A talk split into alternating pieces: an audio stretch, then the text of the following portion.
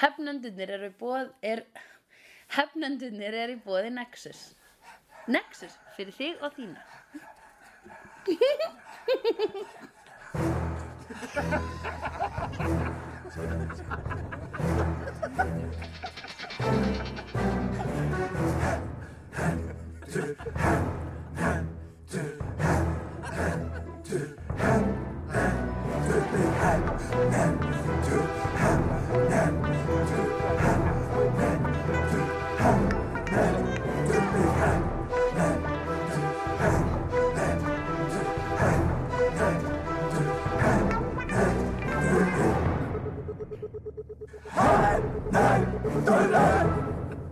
Nei, maður sé að tala um eitthvað random þegar við byrjum uppkastið Ok, Uppkastið?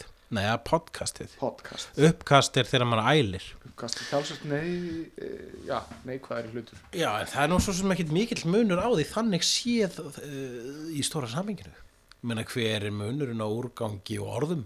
Já, ég er endur, ég er að tasta því að ég datt í svona, svona Jimmy Stam og South Park Nei, nei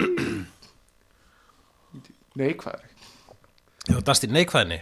Já, Ha, nei, en þú varst ekkit neikvæður núna rétt í þessu nei Þú ert bara þitt já, vanalega jákvæða sjálf Já, ég veit það ekki Ég, Það er- ég er svolítið slappur, ég er búinn að vera veikur núna, samflikt tvær veikur sem er ekki gaman Já, betur, já, okkur, þú fórst til Svíþjóðar Já, Hvernig var það? ef, hvort skiptið Uh, í- í- já, í- það skipti sem þú fórst til Svíþjóðar núna síðast? Já, það, nei, ég fór tvö skipti núna á einu við tömu vikum Nú, og fekk flens á milli Fyrra skiptið, þannig að þú veist, flensan var áleggið og Svíþjóðar var brauðið. já Ég hefur eiginlega bara búin að vera í Svíþjóð, flensu, Svíþjóð, flensu Ó, með síðan onna á, þetta er svona klúbsamloka. Já. Já. Sko, flugið til Gautaborgar Það er nú alveg Og þú saga að ert, segja þú frá ert því. tannstökullin. Nei, ég er bara, Fórst í gegnum þetta allt. ég borðaði bara alla Tannstöngullinn sem- samlokuna, sko Já, Ég stend jú, fyrir þú, utan jú, þú samlokuna. ert maður sem borðar samlokan, það er náttúrulega mega meira sens í þessari myndlíkingu. Já, þetta er samloka Svíþjóð og flensu Já, vinnaðin er, er, hérna, er tannstökullin sem heldur brauðin saman. Mögulega Já, ég myndi segja það. En hvað er, Eða, eða samloku gerða maðurinn, ég veit það ekki Eh, Nei, samlokurgerna maðurinn er uh, skemmtana bransin Já, það er engin ólífa samt Hún langar alltaf í ólífa Ólífan er velunni sem þú fjast ekki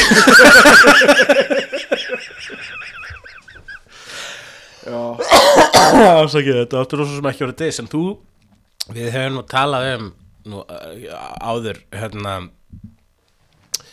okkar uh, nonchalance gagvart verðlaunum sem að er, Ég uh, er ekki- bullshit Mér langar eiginlega að byrja frekar á að tala um þetta ferðalag Já, algjörlega, vissulega Já, vegna Þú sem verðlaunum eftir, vegna þess að það var bara tilnæmna edduna Já, Já. við skulum ekki- sk- það, það fyrir bara í málefnið Það fyrir málefnið Já, það er Gó, fínt málefni. Góður þáttur, Nákvæmlega. framundan Nefna hvað hérna, uh, Já, þegar ég fylgdi Gautaborgar mm, Þá var bókunin eitthvað skrítin mm. Þannig að þá reynda að rukka mig fyrir farangurinn Síðan, ég flög með Æslandir Og þau voru búin að breyta fluginu Þannig að í staðin fyrir það að fljúa beint í Stokkólm Ar, Eh, Stockholms? Hó- Hóms, já Stokkólm var Þá, hérna, þá stoppuðu þeir í Oslo í tvo tíma Þetta var bara eitthvað sem að var ekkit skilur Ah, og þegar að flugið þú- var bókað uppalega Þeir bara breyttu því og Já. stoppuðu í Oslo Hvenær komst það þessu?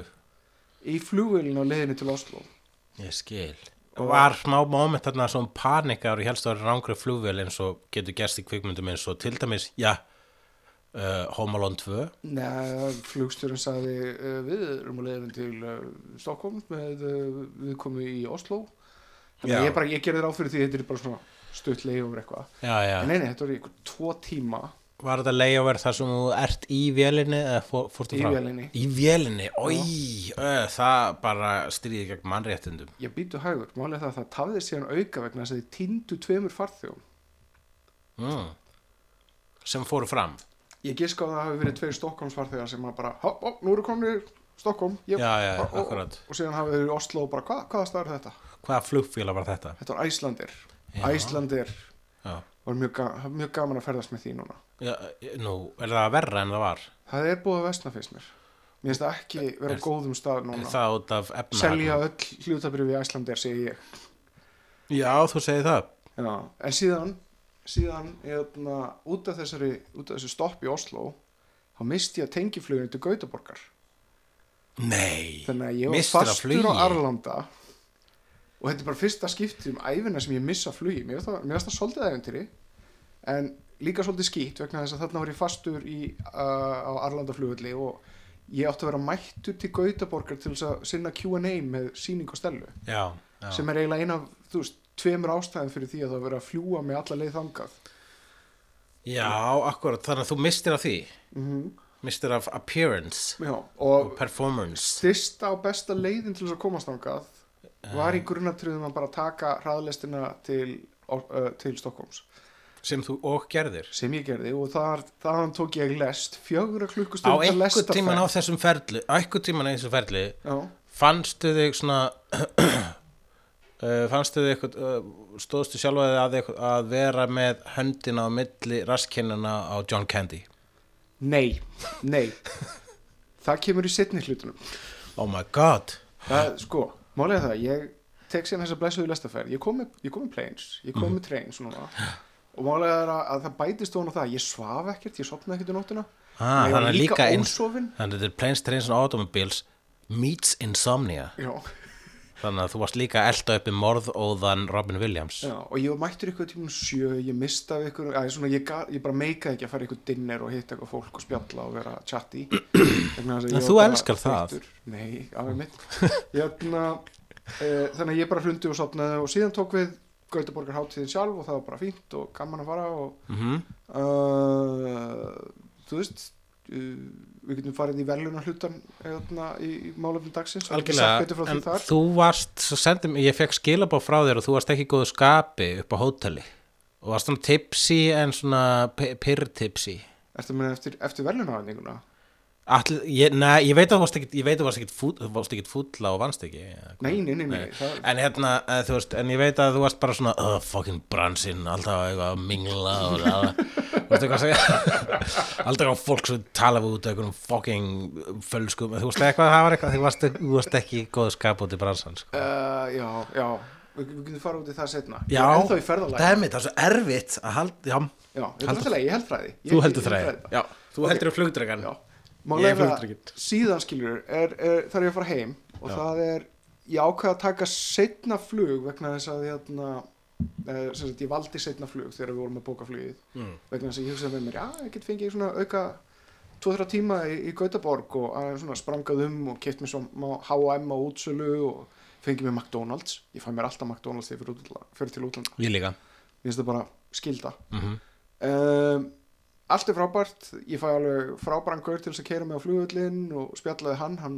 hann sem svona eðna, á höfninni í Stokkólmi og tók þar á móti íslensku skipum og sa- sa- sagði eitthvað svo fallega sögu um það að taka á móti skipi full af hestum bara fullt af hestum eftir á skipinu íslenskum Já, hestum hvað er það mörg hestu að blíð í skipið þá? Hvað er krukan?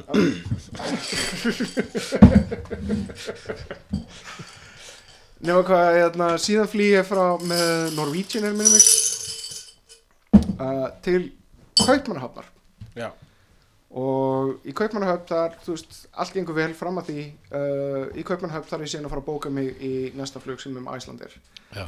þá er Æslandir aftur með sama vesinið nema hvað það er enginn frá Æslandir þarna, það er bara SAS sem sér um bókunina og þeir rukka mig fyrir, fyrir farangurinn eins og fátar sem er ógeðslega fokkin pyrrandi vegna þess að það stendur í bókunina að ég sé með farangur en síðan eru þeir bara computer says no og þú veist hvernig danir eru, þeir eru mjög reglufastir Aha. uh, og síðan flýði til Íslands og þá er stormur Já. þannig að ég þarf að fara til Egilstaða Vá. flugulni vísi til Egilstaða þar sem að hún Hva- lendir Í í ykkur svona skjálta veðri og hérna, ég er nóga heppin að sem sagt Er vera í- einhver, einhver tímabil ert þú að hérna svona að hlæjandi inn á baðherbyggja einhver staðar yfir þessu og svona banka höfðinu svona grátlæja, já, í grátlæja já. já. og hérna, ég er í, í ykkur tvo og halvan til þrjá tíma þar á á eigilstöðum fucking Já, Egilstöðum það er verið en Guantanamo Bay sko já, já, já, já, og alltaf fastur á þessari flugstöð og ég, þú veist hlustaði eitthvað podcast og svona og li- reyndi að láta tíma líða en ég voru hann svolítið þreyttur, svo var hann svolítið pyrraður það var, þú veist, setni af fangin og hann var ekki skemmtlur já, síðan var flóið aftur í aftakaveðri bara svona rétt pínu logn nóg til þess að lenda, það var enda gaman að heyra hérna, var eitthvað að banka nei, það var bara eitthvað að labba á trególfi nálægt allavega uh, það voru úrst að gaman að heyra reyndar hérna flugstjóran sem að var svona já, góði fórtak við við erum að fara enda bráðum og, nú, og hérna og uh, veðrið er um, með ágættu móti uh, við slum vona það að við náum að lenda ágætlega núna og síðan það var svona daufur í dálkin svona, Já. svona, þú veist, maður maður fekk ekki alveg beint svona confidence já, Svo ég er maður maður ekki sem maður vill. eitthvað lendi óveðri á Akureyri og þá sagðan bara, ég ætla að reyna að lenda ég bara, ekki reyna, ekki reyna do or do not, there is no try sérstaklega ekki þegar kemur að lenda flugvél En það sem var fallegt samt var það hvað, hvað léttist á hann um brúnin þegar hann var búinn að lenda. Það var það, jæja, það er nú bara slæmt veður hérna, það er nú aðlega. já, já, en Alltaf ég meina sama sko blíðan hérna að kemla eitthvað svolítið. samt, þú veist, ef þið mistekst að lenda og allir líkjum minni þá sko bara dre myndi drepa alla Nákvæmlega, það er eins þannig að þú gott getur bara verið, verið hress áður og lendir vegna þess að þú myndi ekki þurfa að taka nefnum afleðingum þegar þú ert döður ekki ásönd láta öllum hinn okkur þjást fyrir þína eigin, fyrir þín eigin Eh, sásuka. akkurat uh, eins og með allar starfstjættir uh Mhm. -huh. bara trikki að þykjast vita hvað þú ert að gera Eh, Já. En þetta var búið að vera hvað einhverju fjórir tímar og við lendum og síðan sem sagt við lendum á svipum tíma og einhver flugur frá London já, ég enda vorkindi þeim þau þurftu líka að lenda á eilstöðum en þau komist ekki úr flugilin vegna þess að Schengen eitthvað vegna þess að sjengin uh, en síðan voru bara fullt af fólki sem fekk farangur sinna undan okkur öllum sem að voru í þessari hérna, kaupanhafnavel já, og ég las síðan í fréttablaðarinn daginn eftir að sem sagt, þóta frá Æslandir hefði í þessu, þessum stormi fókið til á flugbrautin og rekist utan í stigabíl ég ætla að gisk og það hefði verið þótan sem að var með farangur minn vegna þess að það tók tvo klukkutíma fyrir hennar farangur að koma og meðan þurfti ég að sitja þarna í byggstofunni og engin hjálp engin samskipti frá Æslandir bara svona endrum eins uh, farangurinn er á leiðinni við byggjumst velverðingar á töfum já ég vona bara að þú að tekja myndir ég tók ekki reynst mynd ég tók bara myndir með hugunum en þær eru allar einhvern veginn litaðar sásöka já, hvernig sásökin og litin rauður, það er svona hjú hann er svona hann er svona, svona innvortis bleikur innvortis bleikur eða eins og Dóttur Gunni myndi kalla innan píkubleikur já, ég, það getur líka verið kók það getur líka verið kók Mhm. það þarf ekki að vera píka það getur líka verið kók en, ég, na, en þetta var einn umulegasta ferð sem ég hef farið í Já. Eh, ferðalega séð já, já, og allan tíman þá var these aren't pillows með klingjandi í haustum á mér já þú ert síðan einn ég, viss, vild, ég þarf að veðja á einhverjum tíma vild, ósk, varstu byrjaðar að óska þér eitthvað svona uh, með ferðarfélaga, varstu ekki varstu, ég reyndar hitti á mjög skemmtilegan gaur í, öðna, í fluginu til uh, Íslands já, en maður uh, var bara svona chatty skemmtilegu gaur já, það hljómar ekki eins og skemmtilega guður af henni tjatti nei ég veit að hann var chatty og góðan hátt vegna þess að hann hafði eitthvað sniðut að segja og fram að Ah, færa og var það gerist bara stundum. gátum haldið upp í góðum samræð síðan sagði hann mér alveg fullt af eitthvað svona skemmtilegum sögum og, og, og gott ef hann var ekki, hann er sálfræðingur ah, þannig að, þannig að hann bara fullkomið einmitt þegar þú ert stressaður og þið líður illa að hafa sálfræðing til að ræða við svo fara allir bara rekning í póstinum já, það er alveg séns á því, hann, hann vingaðist um á Facebook kjálfarið, já, en ég, ég Akkurat. kann honum samt góða þakkir fyrir fyrir, hérna, fyrir það að vera góðu ferðarferðli en Um, það er nú almennilegt mm Já, þetta var nú hljóman og skemmtilegt æfintri en maður reyndar mjög leðilegt en, en, en eh, það var svo mi- mi- þéttleiki af uh, leiðindum já, að þetta var frekar gott sko. mjög minnistætt sko og síðan var ég bara ógislega veikur strax í kjálfarið var bara rúmlegjandi með flensu Já, og uh, síðan þurfti ég að fara til Stokkóms í aðra vinnuferð Hvað uh, varst að gera í Stokkólmi?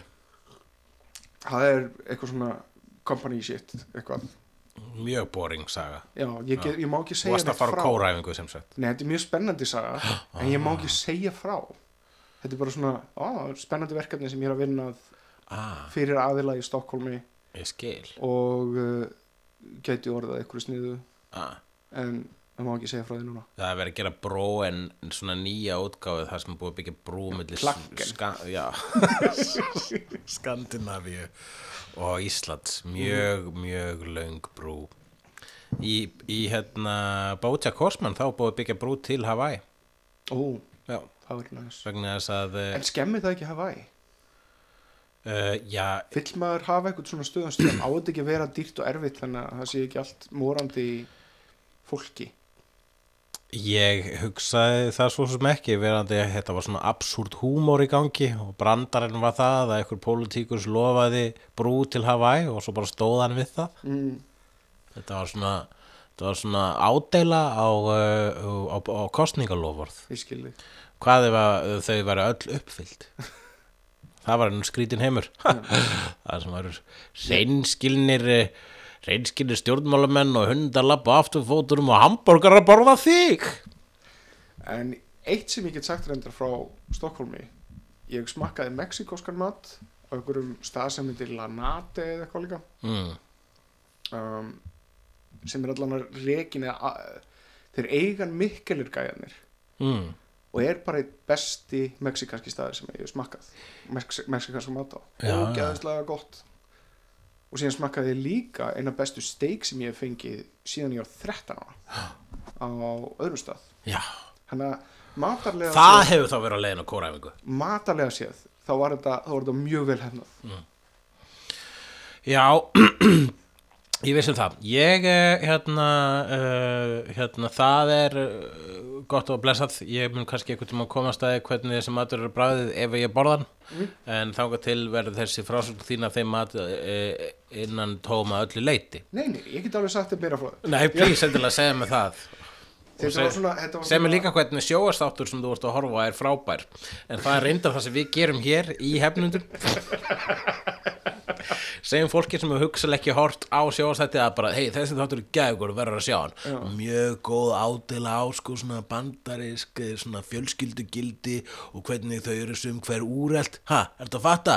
Ertu að fatta þáttur sem þú eru ekki séð? En hei, talandu það reyndar Mm. ég, ætla- ég ætla hann að hrósa ykkur lóu fyrir það að skila af ykkur alveg frábæru þáttum í fjárveru minni Já, þakka kærlega fyrir það. Ég þakka uh, þér líka hér fyrir þ- hönd Lóu. Ég vissum hún takki þér líka fyrir þetta hrós. Ég meira segja horfið þarna á The End of the Fucking World sem ég hafði verið með á lista Já, en eftir meðmæli lóu þá ákveði að skella í áhorf og bara brunaði í gegn núna í, í ég flensu. er á eftir að horfa á það. Ógeðslega skemmtilegt. Já. Erum við að fara beint í uh, ákvært og glá... Nei, hérna... Hvað er að gerast? Ég gleit að fara á salinnið. Fa, fa, farðu bara samlega við. Já, varst þú að íta aftur að play? Já, ég er búin að íta eftir á, á, á tökum. Ég meina record. Record. Já, við getum alveg tekið einna hvað er að gerast og Já, síðan ég- fyrir klostið. Er, er þið mikið mál? Ekki mikið mál. Við getum náttúrulega, þetta Bara getur smá verið svona mál. eins og svona, svona ticking clock dæmi sem að gerir Ég, hlutina mér, er meira bara, spennandi. mér er ekki mikið mál, mér er bara smámál og ekki einu svona súkulega smámál, heldur, heldur þetta hvíta sem er selda á tímubili, mannstu til því? Nei, Nei, það man enginn eftir því. En það var eitthvað svona hvít smámál sem var verra á bragðið, uh, ég held það var basically bara allt efni sem var í smámáli nema súkulegið. eh. Og það var í upprunlegu krúsunum sem voru, með svona, sem voru svona byggar. já, já, já. Eitt er enda skemmtilegt sem ég geri Ég byrju, Eh, kom byggarinn á eftir hérna þessu sem var svona eins og ísblóm. Ah, fuck it. Eitt er enda skemmtilegt sem ég geri meðan ég er að keira Mm. að þá stundum þá syngi piss piss og pelamál púðusugur og króna Mhm. með nýjum laglínum Og hvað er með eina laglínu? Nei, ég ætla ekki að gera það vegna þess að ég er feimin og meðvitaður og ég get, ég get ekki gert þetta hérna Ég ætla ekki að gera það vegna þess að ég er feimin og meðvitaður. Já. Var það ekki úksla kúl á leg legsteinunni þínum? uh, Jú, þetta er heimfull Eða eða bara nafnspjaldinu, sko. Nafnspjaldinu. Það er miklu betra. vegna þess að Þá ertu að segja basically, Ég myndi láta þið vita símanúminu mitt ef ég væri ekki feimin og ég meðvitaður er feimin og meðvitaður, ég hefði aldrei átt að prenta þetta kort. Herðu, ég ætla hvað er að gerast? En ég gerði það vegna þess að ég sagði þeim já með gaurinn sem að sér um að brenda nafnspjöld sem ég hitt í partíi og ég bara þóra aldrei að segja nei. Og nú er ég búin að eiga svona miklum stöfum í þetta spjald, ég skil ekki hvernig þetta kemst við, þú ert öruglega ennþá að lesa. Þess vegna prenta ég það í A5, þetta er astanlegt spjald. Án jokes, ég ætla að skrifa þetta allt saman niður og þetta fer á nafnspjaldið mitt Ég hef ég, ég, ég, ég bara einu sinni haft nafnspjald Já, ég á nafnspjöld. Já, ég veit En það þeir eru- stendur ekkert á þeim Google me, Já, just Google Me, það er svona, sér- það er svona meira svo just Google Me sem er extra obnoxious, ég sé eftir að hafa, hafa ekki haft það bara Google Me, en það er eiginlega meira obnoxious, ef það sé just Google Me just Google Me en hérna, það er alger þetta er svo- svo- svona svolítið mikið dick, dick move spjöld en, en ég hafði eitthvað tímann fengið hana brandar í hausinn bara ef að ég var að fæ- gera eitthvað um nafnspjöld þá ætla ég bara að láta standa að googlaði mig vegna þess að það er alveg jafn gott en svo ger ég það vegna þess að ég fæ gerir skiptidíl við uh, prentsmiðum uh, Letterpress frábær, frábært fyrirtæki og uh, þá læti ég mitt prent út hann brandara og ég fæ allt svona og ég, ég fæ alltaf svona smá út úr því að rétta fólki þessi spjöld en á sama tíma bara svona, ugh, Jesus Christ færðu samt ekki góð viðbröð mér finnst þetta sniðugt ég myndi, ef ég tæki við þessu þá verð ég bara svona ha, mm. en í Já. yeah. alveg, getur þú látið mig fá þarf Já, já, akkurat uh, ekki að- á endanum ég alltaf held að einhver skrifa ég held að einhver sagði svona við mig wow, that's funny, it's not ob- obnoxious at all Herðu, uh, hvað er að gerast hérna, lóbómynd í farveginu Michael Bay orðaði við leikstjórn já, ég las uh, vangaveltu eftir filmkritt hulk um þá staðreind að Michael Bay ætti að leikstýra svo hann hafði blendnar tilfinninga hvað þetta varðaði hann sagði, þetta getur verið frábort og þetta getur verið ömulegt og þetta getur líka verið eins og góð Michael Bay mynd bæði ég held að líka, vegna þess að lóbó er í eðli sínu douchebag Já. sem að passar Michael Bay Lobo er, uh, ef við ætlum að taka svona anti-hetjur og þetta væri í rauninni múfið sko hjá, sko þe- þeir reyndu að tak, gera múf gegn Deadpool hérna DC með Suicide uh, Squad, það mishefnaðist en rétta uh, múfið uh, væri með Lobo eins og hann er þeirra Deadpool í rauninni þó að Deadpool sé stólinn af uh, Deathstroke úr, um, sem er DC karakter en það er allt önnur sagði þannig að Deathstroke var síðan í, sög, í, í svona setna maður alltaf, eða þú veist, Deadpool var alltaf öðru sem Deathstroke vegna þess að hann By the way, gaurinn sem að skapaði Deadpool, Rob Liefeld Já. annar gaurana, hann stal hann er, hann er sko mjög mikið í því að stela, hann stal líka Lobo karakternum Já. og í, fyrir Image Comics og kallaði hann Bloodwolf og hann kom út í einu hefti eins og svo margar Rob Liefeld sögur og reyndar svo margar Image sögur það kom alltaf bara út fyrsta blaðið Það fyndi, við, við tölum um því þessum skilningi um til dæmis gæðins Rob Liefeld en þegar Alan Moore stelur Superman og gerir Supreme Mhm. eða stelur Batman og gerir Night Owl Já, já, ef þú stelur vel þá, gerur það, þá er það ekki lengur stöldur, þá er það homage og bara Quentin Tarantino er talandi og gangandi dæmi um það uh, og þegar að það sem að uh, hann Alan Moore skrifaði sem Supreme voru sögur sem hann hafði í handraðanum um Superman sem hann ætlaði að gera um Superman en hann fekk ekki að gera um Superman sem bæðu vei eru frábæra sögur Það eru Bókin geðveikar Supreme sögur. er, og það er líka, þetta er í teiknistílnum alveg frá, Já. frá upphafi til enda sko Emmett, og það er mjög mikið, sérstaklega Superman, það er mjög, mjög oft búin að taka þann karakter og skrumskæla hann í einhvers konar eh, hérna, skopstælingum eða jafnvel eh, hérna, eh, svona, til engunum til hans. við erum í sving hérna, Já, Brian Michael Bendis er verið að relauncha Superman brú, fyrir ekki, var, já, sving, já, þú varst með þetta að skrifa niður. Já. Þetta var ekki að byrtast á iWatchinu nei ég er þínu. ekki ég, ég Nei. er ekki að fá, ég, Ég hélt í alvöru. áminningum það að aukutekinu mínu er ennþá lagt Já, mikið gagnið þessu iWatchi og þá, uh, jú, það er frábært Brian Michael Bendis er fyrir að gera það Já, og hann er, ég held hann sé líka að fara vegna þess að hann er farin núna yfir til DC Mhm. frá Marvel, ég held að hann sé að fara að púla nýtt svona ultimate dæmi þar hann er að fara að rýbranda og svona aðeins að stokka upp í og og svona, það er það sem DC gerir alltaf þeir eru alltaf að reboota öllum heiminu sínum en stanslaust. núna með Brian Michael Bendis Já, það getur verið gaman en hvað er pointið með því að þið hvort, hvort er reboota aftur eftir þrjú ár já, já, ég veit ekki, be- sko, ok hérna, Superman í gallabuxum og það allt saman eða smekkbuxum, með, sem Grant Morrison gerði já Já, hann, ég las fyrsta Superman dotið hans Grant Morrison hérna í þessu New 52 mér fannst það frábært Mhm. uh, og það var, já, jú, jú, það var gott að blasa hvað, þegar ég meina það er, það er til dæmi um svona rýbút á, á, á Superman svona aðeins að frískupa málinguna á honum Hérna, Jötna, Jú, jú, það er mörg, það er búið að s- að segja upphaf hans stanslust, sko. Og mér- Mitt sérstakar, mitt personal favorite er þarna John Byrne, Man of Steel sagan sem kom einhvern tíman á nýjunda áratug síðustu aldar sem var þýtti voru á íslensku. ó, ég hef ekki lesið hana Uh, hún var hérna í, í siglu fyrir að prensmiðu Já, og það, ég ég, hef öruglega þá lesið þú hefur lesið hana, sko. Það er hérna þeirra að teikna Jor-El og... Uh, uh, te- og, og mamma Súbmann sem ég skammast mér allir mjög mikið fyrir að mun ekki hvað Í hét, alvörunni? já, hvað heitir hún Martha, Nei, Karel heit hún Kar-El Er það ekki? Já, var það Kar-El Er El, já, Kar-El og Jor-El Það voru nöfnin Og Kalel Og Kal-El er hann En Mar, ég veit alveg að, að hún heitir Martha það, Ég mun aldrei gleyma því núna að, að fósturmóður Superman heitir Martha Það mun enginn gleyma því svo, þú veist, Það þarf alltaf bara eina slæma mynd sem að enginn mun gleyma Hvað heitir mamma Súbmanns áttur? Ég veit líka að mamma Batman heitir Martha þetta Núna var- veit ég það Þetta var reyndar, þetta var reyndar ógeðslega Núna út af því að allir eru með þetta fast í haustin þá er þetta mjög góð pubquiz spurning fyrir Súbmann Hvað heitir mamma Súbmann?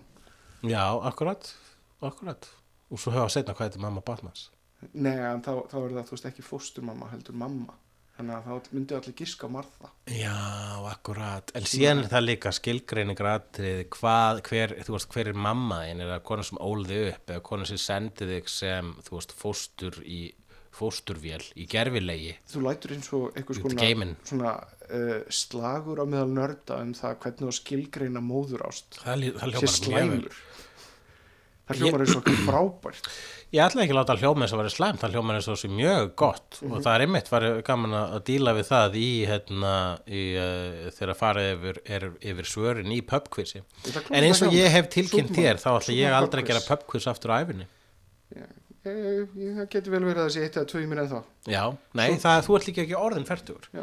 Það var mj- mjög meðut ákvörðan hjá mér. Það er Eitt sem ég ætla aldrei að gera aftur núna þegar ég er orðin færtugur er, að- er að stjórna pubquizi. Það er svona sumt sem maður gerir ekki þegar, þú veist, það er, ég ætla bara að reyna að, þú veist, ef, ég, ef að ferillin minn á að, að, að fara eitthvað áfram, þá held ég að ég ætla ekki að gera pubquiz lengur. Ég skilði Ég held að það sé svona dragbítur. uh, Eh, Game of Thrones skæðan er að fara að gera Star Wars Þeir eru bara að fara að gera sér trilogíu sem er ótengt Ryan Johnson, ótengt Skywalker-borkinum mögulega bara með einhverju nýju fólki Já, og tengt að því leiti að það fjallar ekki um sumu karaktera. Já, og ég held að þetta séu svona alvarlegi gæjar sko. Samt kanón. kanón, þetta gerist í Star Wars heiminu þetta er svona Extended Universe uh, ég myndi giska að þetta sé Extended Universe en samt bíómyndir þannig að þetta verður ekki kanon kanon, jújú, þetta verður alltaf kanon en þetta er ekki Kanana, kanana, hluti af kanana, kanana, Skywalker kanana, sögunni sem er stærsta kanana. kanonið Fyrir ekki að ég ætla að setja ég hef pappakrökkuna hana Ég þarf að Ég vonandi heyrist ekki að ég tek axli bara peninga úr krökkuna og setja aftur í ef það heyrðist ekki þá, þá, þá heyrðist það núna Já. en já uh, þeir eru þeir ætlaðu að gera þarna eitthvað þræladót sem að þeir voru skotni niður með áður en þeir byrjuðu að Veitir, skrifa Það voru Game of Thrones görðarnir Já. sem ætlaðu að gera þetta hérna, Confederacy dæmi sem bara- að gerist í hliðstæðan veruleika þar sem að uh, The Confederacy One Já, Confederacy One Æ, ég skil svo sem sko Við rættum þetta eitthvað tíman en hvað veitum við sko ég, ég segi alltaf að jötna, býða þar til að þú lest söguna eða sér söguna mm annars en skiptir ekki ættu máli það hvað ekki þér bara finnst. ættu fyrir, en ættu ekki bara svart fólk að skrifa þá þáttaröð Nei, ekkert jú, endilega. veistu það, mér finnst það bara gæti verið að það hafi verið finnst þér að, svartur finnst höfundar þér að með kalla þið átt að skrifa hérna handmade ég held að það hafi verið svartur höfundar með þeim sko. já, ok þannig að þú veist ef þau hleyftu svartum manni inn í skrifherbyggi þá I guess it's okay og einn ein, ein af þessum svartur höfundum var kona já, wow, meira sagði það, Já, twofer vel. kalluðu það hann á twofer Twofer Já. uh, síðan er ég hérna fylgdist þú eitthvað með hérna J.K. Rowling Dumbledore gay vesinu nei, ég veit ekki alveg hvort að við hefum að sofa ómeklum tími í það allavega uh, fólki ég Líka lef oftast bara illa- Jonathan að segja sína skoðanir og svo, svo leiðis já ég skildi, fólki líkar illa sem sagt að það kom fram að það verði ekki mjög sjáanlegt sjáanleg samkynniða hliðin á Dumbledore Dor í næstu Fantastic Hvað Beasts-mynd, er sjáanleg samkynnið hlið? að hann sýni það útvördis að hann sé hrifin af öðrum kallmanni Já, þannig að þegar að Karlmann labba framhjá og segir hann Öhug! eða þá að hann faðmar hann á ástúðulegan máta uh, sem er með eitthvað annað í huga en bara vináttu Já, það hljóma creepy það hljóma svona John Lasseter Ég ætla að fað, Já, það hljóma eins og ástæðan að John Lasseter var reikin Já, hann, hann faðmaði mig eins og hann hafði eitthvað annað en vináttu í með huga samþykki, með samþykki, rólegur Já, hann fa- a- a- a- Þetta er Basically, hérna. hann kissi hann einhverja munnin þess Eða vegna, jafnvel fyrir sleik þess vegna en það Eða skiptir- strýkur honum um kinnina það skiptir samt einhverju ásmáli vegna þess að a, það veit enginn hvað er í myndinni Já, b, þetta er hluti af sjömyndabálki sem er ekki búið að skrifa allan út Mhm. og c, leifið höfundum að vinna fokking vinnuna sína hættið að, að- að reyna að stýra því hvað á að koma og hvenar Já, veistu það, ég er ekki jafn pyrraður og mér hýrst þú vera yfir þessari umræðu vegna þess að, uh, já, flott hjá ykkur, gott hjá ykkur að benda á það, gott hjá ykkur, jafnvel að vera reið uh, uh, og sem- þið sem voru að gera myndirnar, ég get alveg trúið því að þið voru ekki að meina þetta slæmt með þessu og, bara, og það myndur kannski engin spá í þessu ef að uh, hér var að ræða um gagkinhæðan karakter en það er vist búið að koma ekkert maður fram að hann sé hálfpartin geið eða whatever. en hann er gay Já, og þannig að og J.K. Rowling sagði Dumbledore er gay Já, þannig að ef, að- þú veist, ef að sama handrit þar sem hann var gagkinnegður og uh, hann færi ekki í sleik við stelpu í þeirri mynd Hmm? mm. það var auðvitað ekkit issue að, að, uh, að skiljarlegum ástæðum en í dag þá er bara að vera að reyna að íta út eins mikið af uh, uh, minnuluta karakterum í popular fiction bara svo að það eh, verði þar uh, svo að fá að dafna þar og þar að leiða til hjálpa baráttinni þannig ég skil alveg reyðina en e- ég held samt að það sé ekkert, ég held að það sé enginn að fara að stöpp, stoppa það af ég held að þetta snúist Nei. meira um það að J.K. Rowling er að segja sögu sem spannar lengra heldur en þessi tiltekna mynd og hver veit hvað gerist í næstu myndu Já, ég veit það, en ég bara segi, fólk verður, fólk er skiljulega pyrrað og, eh, en það er alveg ástæðalist að vera pyrrað út af því að það er pyrrað. já en já, en nerd rage uh, Þetta er ekki nerd. hættufrikja, þetta er svo mikil þetta Já. er svo, þetta er svo leiðinlega Kallar þetta leiðilegur nördreits? hluti Kallar að- þetta nördreits? það, það, þetta var ekkert nema nerd rage þetta var bara já, já það gæti líka verið einhvers konar gay rage Já, en ég, já, já, eða gauge, eins og heitir. Gage. En, eh, þ- en ég held sko bara að það sé ekkit að fara að hætta þetta nördreits. Nei, Það verður alltaf. já, en þetta er, þetta er, þetta er Svo lengi sem að þessi, þú veist, þannig eru alltaf að reyðra réttum ástæðum. Mm. Ég finnst að við ættum frekar að vera pyrrað þegar fólk er eh, pyrrað út af því að það eru ómargi kvennkarakterar í Star Wars eða ómargi svarti karakterar í Star Wars. Eh, Þegar að vera að gera eitthvað allt í hennu gei sem var ekki gei fyrirfram, þá verða nördar reyðir allt í hennu. Mér finnst finnst það vera meira eitthvað sem að við ættum að vera pyrraður út af. Mér finnst sko. þetta samt Það er að segja svo reyði. Mér finnst þetta samt vera hluti af stærra mengi sem er til dæmis það að Ryan Johnson en það nýttur á hann skórin fyrir það að búa til Last Jedi vegna þess að það passaði ekki við væntingar sumra og það Mhm. Það- er þessi það er þessi, eins og ég segi, heimtu frekja að sagan fylgi þínu væntingum Mhm. en ekki, en fá ekki vera sín eigin saga Ég fatt að hvað það meinar, ég get náttúrulega, já, þarna var smá, ofinbyrður smá hræstni í mér vegna þess að ég var sjálfur pyrraður og því nörd reysi mm. og það hefði ekkert að gera með, þú veist, svona PC kjaftaði. Nei. En, uh, jú, akkurat, mm, jú, jú, en uh, kannski bara er mér svo mikið, mér, er- ég er ekki alveg eh, mikið, nógu mikið að fylgjast með Harry Potter, til, þú veist, ég sé bara alltaf þá mynd sem kemur þegar hún kemur. Sti- skelltu því bara út fyrir mengi þetta þarna er bara hópur af fólki sem er að, að, að þrýsta á höfund um að fylgja þeirra höfundum það hvernig skaldskapurinn á að vera ég er Já. að reyna í grunnatröðum að endurskrifa verkið uh, þvert á vilja höfundar Já, bara óhað því, ég, þetta gæti verið skilur þú veist, einhver að skrifa sögur í andabæ Nei, jú, þetta er mjög góða punktu hjá þér. ok um, næsta sem ég við hérna það er ný menn in black mynd á leiðinni með, Já, það er náttúrulega allir að byggja um það. já, Já. F. Gary Gray er að fara að leikstræði Uh -huh. grunatröfum að fara hérna, straight out of Compton í, hérna, í þetta væntanlega fyrir Will Þannig að Smith telja upp myndin sem F. Gary Grey ge gerði vegna þess að ég held að mér finnst þær ekkert æðislegar að, þú veist, ég held að mér finnst hann ekkert vera með sérstakann feril sko, Fate of the Furious Aha. um, ég ekki sé hana og síðan hérna, sko, ok, ég man nefnilega ekki mikið meira en hann gerði samt líka eðna, uh, Waterfalls myndbandið með TLC Við sjá, F. Gary Gray Mhm. Það var mjög sorgleg saga um mann sem fekk AIDS og svo eru tvær aðra sorglega sögur líka. Jesus Hörðu, hann gerði líka Friday og The Italian Job Mm -hmm. Endurgerðina. og síðan The Negotiator Mm -hmm. og A Man Apart Law Abiding Citizen og Be Cool sem er síðri eðna, síðri myndin um karakterin sem að John Travolta leikur í uh, Get Shorty. Get Shorty. Sko, já, nei, mér, Jimmy ég, Palmer. ég held að ég sé ekki neitt svona f- F. Gary Gray fan þannig að þegar að einhver tilkynir að hann er að leikstu einhverju mynd þá eru það ek- engar fréttir fyrir mér annað en bara já það er að koma hérna pínu svona hef- hefðbundir venjuleg mynd já, um hvað er aftur hvað er hann að fara að gera fyrir ekki Men in Black Men in, Bl- Men in Black já.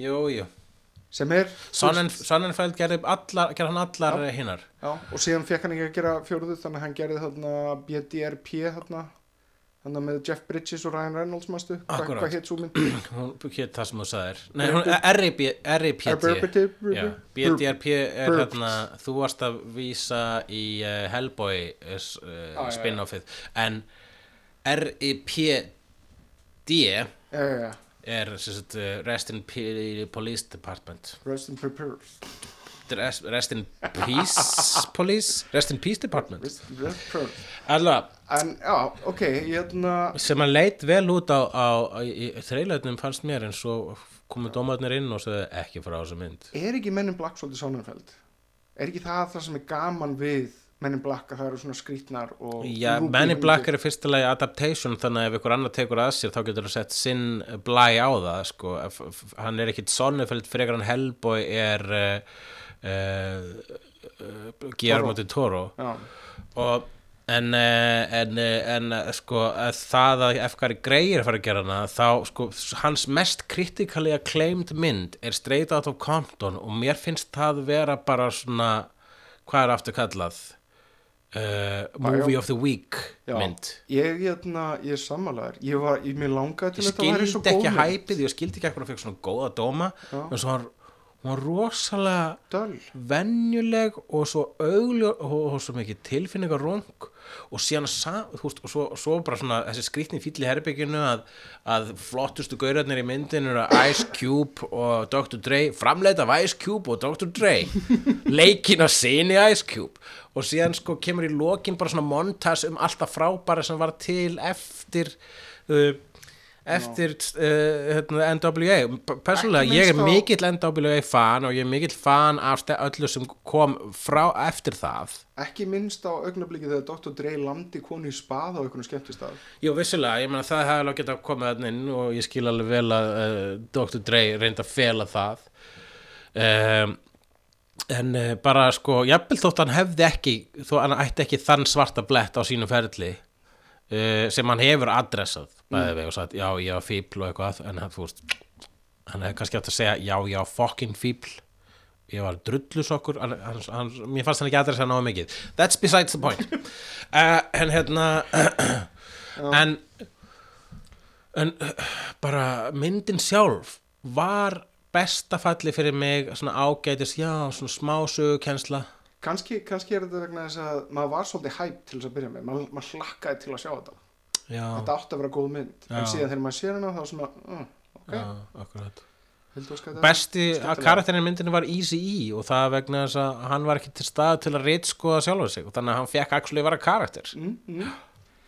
Um, næsta er Sony er f- að fara að selja sétti sitt, ég held að Sony sé að hætta í bíóbransanum og einbyttir sér að því að gera sjónvarp og svona drastl aftur Já, það er gott, þeir eru að spáði að að selja, þeir eru alltaf að bjóða, hérna, þeir eru að se- setja á uppbóð alla eigutnum sínar. Já. Uh, þar, þar að segja allt Marvel-dótið sitt þá, sem að er Spiderman. þeir eru nefnilega að græða tonna á Playstation og þeir eru að græða tonna á sjónvarpum Já.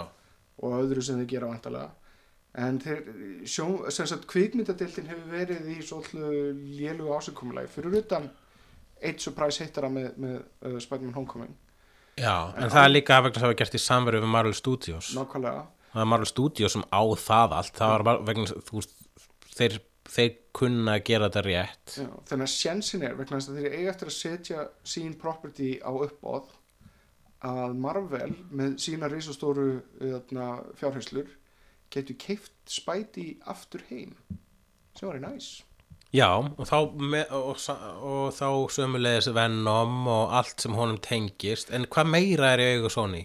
uh, ekkert sem ég man eftir sérstaklega sko. Nei, það er Fantastic Four er hjá Fox og X-Men er hjá Fox Já.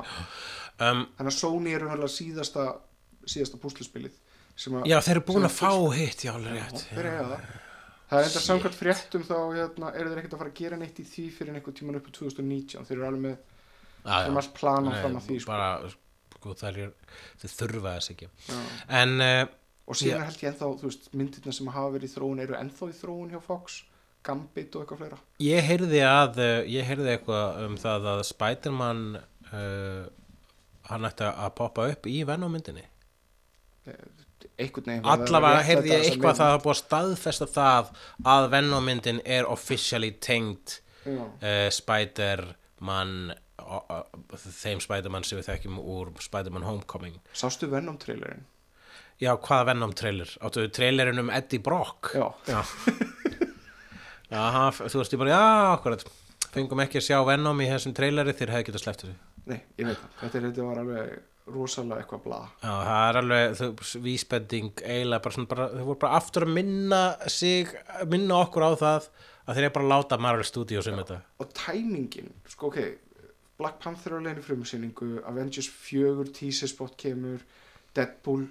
trailer kemur Mm. Ant-Man and the Wasp er nýkomið og síðan Eddie Brock story Já, hérna er sagan af Eddie Brock, hver er það? Þú veist, gaurinn sem verður Venom, við skulum setja svona teiknuga Venom í endan á trailerin hann þjáist í ykkur skonar læknatæki Já, þetta er samt ekki alveg svo Deadpool Nei uh, Talandi um það hérna, Við ættum eftir að tala um Ant-Man and the Wasp trailerin Hann var skemmtilegur Uh, já, jú, ég Hello sá hann Kitty PS-kall? Jú, það var, Var það var alveg nóg, sko? drullu flott, drullu flott sko. Það er bara- einmitt það sem maður vill sjá í Ant-Man trailer Já. Það eh, spratt hérna ég, ég, ég linkaði e, í, eða ég krækti fyrir ekki mm. í, e, í vefsíðu þar sem að var á- fyrir hönd hefnenda mm.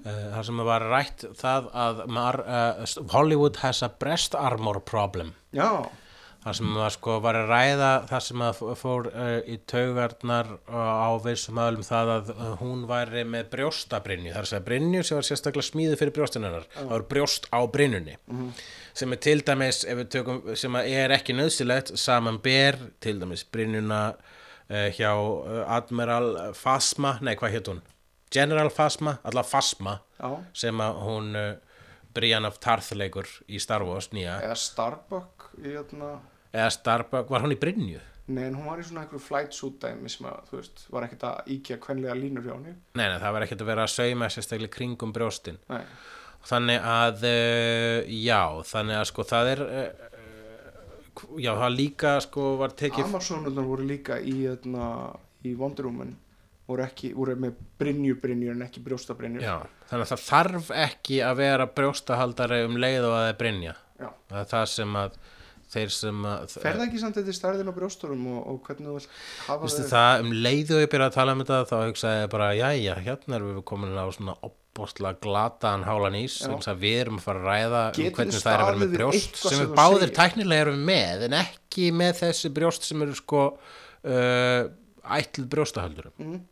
allavega ekki ætlið þú jú, jú, það kannski, jú, það er mér að segja alveg hérna Akkur er Batman með brjóst? ha. Akkur er Batman með brjóst á sinni brinni? hann er, hvaða Batman, þetta tala um þá Tim Burton Batman í Batman 1 Eða bara gerurtu Batman í... gerur þetta Batman í Batman 3 Já, nei, 4 ég þeir eru flestir með eitthvað skona svona, svona Batman, breastplate, Bra- sko. Bra- Batman Returns var bara með standard Sixpack brinni sko. svona, sixpack Já, formið, sko. en það var miklu svona hann var með svona kúbíska magaveðva Batman Returns Er ekki miklu skinsanlega að vera bara með flatan svona varnamúr? ég man þegar að hún Bat uh, Girl, Bat Girl of Burnham Mm. sem að ég vonast ég að segja það rétt að Burnham er uh, uh, sem sagt, uh, hipstera hverfi í Gothenburg og, og Batgirl flutti ykkur tímann það þangað og fekk sér nýjan Batgirl búning sem var minnar svona skimpi minnar, uh, hvað sem er uh, flegin Já, Er það rétt á orðið? Já, það, þegar það er svona þú sérð í brjóstaskórum Já, neða, ekki flegin, þá hérna bara þröngur Já, ok og hérna og uh, og þá einmitt sko var hún bara svona, hún var meira raunverulegri búningi og að minna svona vera að leggja áherslur að sæjist að hún væri með brjóst eða rass og það var mjög flottur búningur, hún var meira þess að bara svona í, í skóm sem hún reymaði og, og þetta var praktist og meikaði sens og myndi ég segja að ég er bara flottasti Batgirl búningur, hún fekk mikið lof frá uh, uh, feminísku myndasögu höfundum fyrir það að bara actually þóra að fara þangað, vá, þú þorðir að láta hann að sitja sitja hann í búning þar sem við sjáum ekki raskinnarnar, hvað raskinnarnar skil, aðskiljast Já, og uh, þess vegna er kannski þegar það vart að setja brinju á konu uh, þá er verið svolítið að ramma inn brjóstin hennar svo að hérna, áhorfundur geta allavega séð Þarna eru brjóstin hennar Ég veit að það er Brynja fyrir henni Ég veit líka að það eru brjóst já, ef þeir hefðu ekki sagt þetta þá hefði ég aldrei vita að það voru kona Já, nákvæmlega, ég hefði þurft einhvern veginn að svona slumpa á nákvæmlega hvar brjóstin hennar byrja og enda Þannig að þú getur ekki segja þetta á hárinu Já Þú voru að sjá þetta á rassunum og brjóstunum Ég persónulega finnst bara að það ætti að vera fjölbreytni, það er allt og semt sko. Ég man þegar hérna, hún, ég hef rætt þetta ára og ég hlustaði af handahófi á gamlan hefnundu þáttum daginn og heyrði mig tala um þetta fyrir lágu löngu þegar hún Dagger í, í klókan Dagger, eh, hún fekk sko update á sinn búning vegna þess að hún var einmitt í flegnum búningi og hún var í alveg, það bara eins og að spraypaintað á. Já Og Eh, náttúrulega, og flegið alveg niður að snýp, sko Já, rólegur, það var svona niður að nafla og hérna, það var bara skrítið hitt. og hérna. Ég skil ekki hvernig hún heldur, hún hlýtur að líman við Ég veit, það er engin, engin sko, hérna, það er ekki neitt raun, Svona- raunsæi í þessum bangbúninga. Nei, þetta er svona, þetta eru svona, hérna, þetta er svona listskautdansbúningar Já, hún var svolítið eins og listskautansbúningi, sko, og mér er það bara með minni skrauti, hún var bara, við sáum nákvæmlega hvernig hún var í læginu og fengum, sko, hérna, ekki bara svona brjósta, sko, svona flegin alveg nýra nafla, heldur það var líka svona kross, þannig að fór svona rétt yfir gerfettunum hennar og hann svona kross sem átti þetta að tákna hníf, en líka lík- líklega smá kross vegna þess að það er smíð, það eru trúalegir undirtónar í e, klókan daggar, það er að segja að þau, til dæmis bækinstöður þeirra er í kirkju, einhvern tímann Það allavega. þarf ekki að hreyfa sér mikið um á þess að þetta fari bara allt Já, en í, við skulum bara svona gera svo ráð fyrir því að í Marvel heiminum þar sem eru til efni eins og adamantium og vibranium, þar er líka til fataefni sem getur bara svona límst sökkt upp að alveg þér. upp að, upp að þér sko. og þau kannski hafa tvö lög í kringum kynfærin svo fólk sjá ekki alveg bara þú veist, hvernig þú snirtir þetta þannig niðri however, Svona skinn- mér persónulega sko ég hérna, skil alveg það að sko markvist skildi vera að klæða og ég sammála því og stiða að klæða kvenkis ofurheitur vegna þess að allt of margar þeirra eru í, og, í, í ábyrjandi og vandræðarlega færri fötum heldur en kallarnir however, ég fílaði alltaf daggerbúningin hann má alveg vera ein svona skautadrottning jafnvel tvær sko Já, ég er bara að segja alls konar, áfram alls konar ok Ef við farið hverju í næsta lið? Herðu, nei, eitt reyndar já, Solo, hann solo-trailerinn já Hvernig, hvernig listir á hann?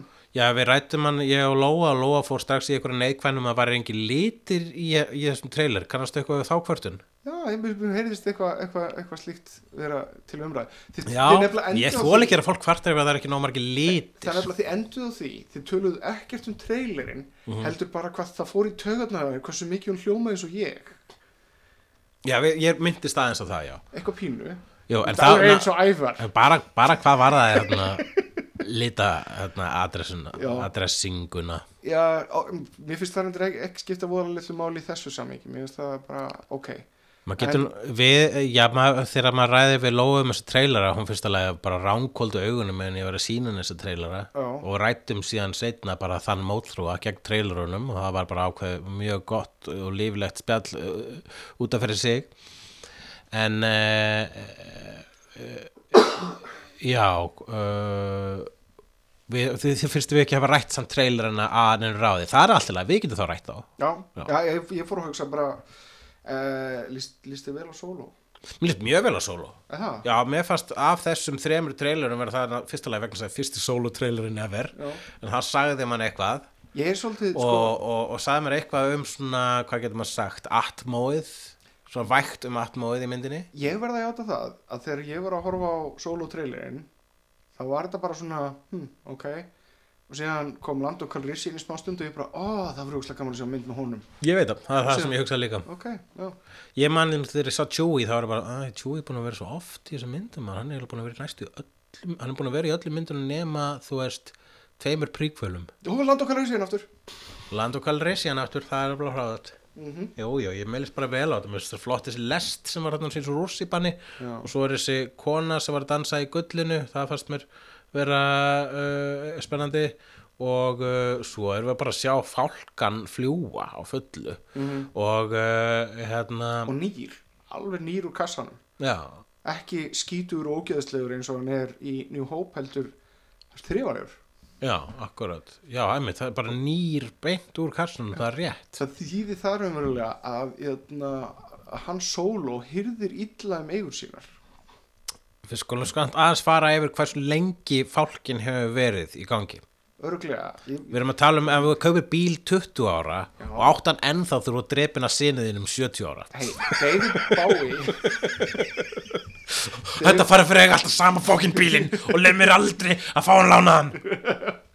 en David Bowie til dæmis átti einhvern sama bíl alveg í 40, 30, 40 ár og hann var alveg immaculately þú veist, þrifinn og veit, alveg, upp- alveg eins og nýr sko. Það er líka auðvelt að þrýfa bíl vegna þess að þeir eru sko sléttir.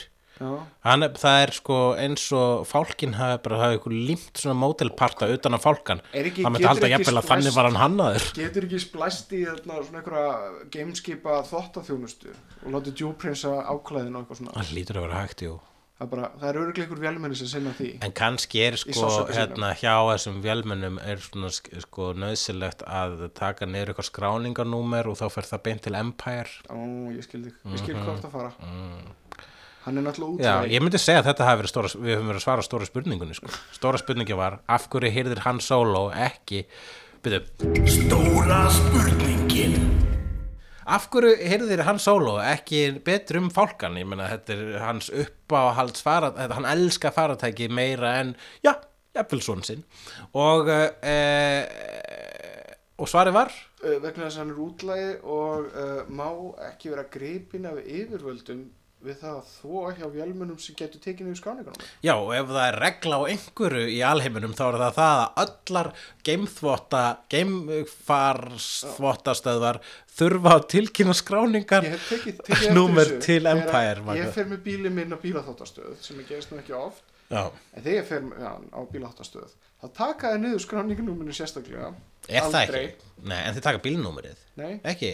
nei, Nei, þú getur farið með stólinn bíl í bílaþvottastöð basically Já, ok, þá svaraði þetta þetta ekki alveg stóra spurningunni Nei, en, en þú veist, það hlýtur þá að vera á einhverjum svona myndböndum og eitthvað svona Já, Þannig akkurat getur þú fengið þess að skemmt, þessi Jú. skemmtilegu myndbönd Jú, þar sem jú. að það er einhver gaur sem að svona, hérna, opnar hörðin óvart á meðan að sem sagt, vélinn er eitthvað að gera og sem festist vélinn í hörðinni og dregur bílinn áfram og, og gerir alls konar óskunda Eða þetta er svo þú horfur á YouTube þegar allt venjulegt fólk er að horfa á ketti mm, Nei Það er langt síðan ég sá þetta Ég horf bara, núna er ég að horfa að fólk hreinsar stríða sko Það er bara ennþá betra, segðu mér meira frá því eina sem ég horf verið að skjálpa ykkur að ríðast ríða sko Nei, ég fann ég þarna að það er sko svona, fólk að restóra gamla stríða sko Oh my god og tekur það í sundu Ó. og skiptir um gummiðum og þvær það og alveg frá að til lög og síðan lítið það bara út eins og nýjir á eftir Já, þetta er dead sexy ég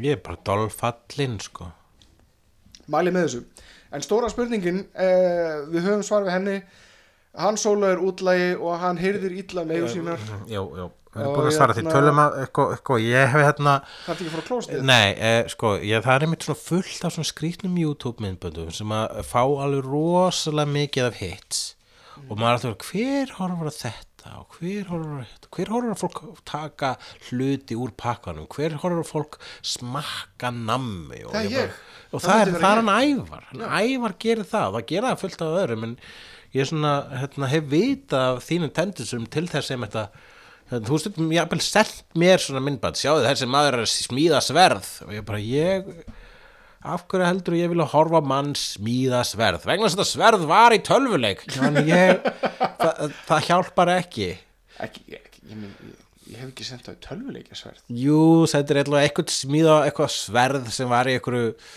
eitthvað pop- popkultúrsverð einu sinni held ég að ég hafi sendt þér hérna, eh, þegar þeir hjá Man at Arms voru að smíða hérna, Adventure Time sverðið Já, það var mjög fallegt ég er ekki viss um að þú sendið það en, það var ókslega cool Sendur bara ljósmyndaði það var að nóg Ég þarf ekki að sjá hann smíða það Já, en það er svo gaman að horfa á fólk gera hlut Mér finnst það ekki En reyndar Já. skil ég alveg, alveg hvað þú ert að fara ég ætlaði nú ekki að hljóma eins og ég var að gaggrína þetta vegna þess að það er, marg, þetta er ástæð fyrir að fólk fær þarf mörg- ekki að skiptir einhver máli hvort þú gaggrinir eða ekki mér finnst þetta samt alveg indislega ok, þá teki ég afsökunarbeinu mínu tilbaka gaggrinir eins og við og ég gaggrinni því drasl however, ég eh, fór horði er, ég ekki bara fara í Á hvað ert að glápa?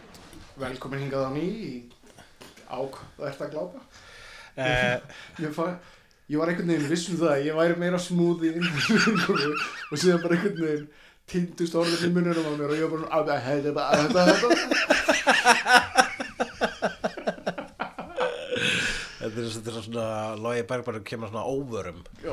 nema, að sí- nema síðust árin hans í sjórbaða sem var bara svona I don't give a fuck allavega, það er reynda besta attitútið það er best að það er bara skemmtilega Já, ég veit þetta það, er þetta er lættirmann Sko. sko. manúverið sko hvað var að loða Bergmann í sjóarpið sko, þá ef ég bara svona tvo pointera til hans og hann getur bara valið annað þeirra Mm.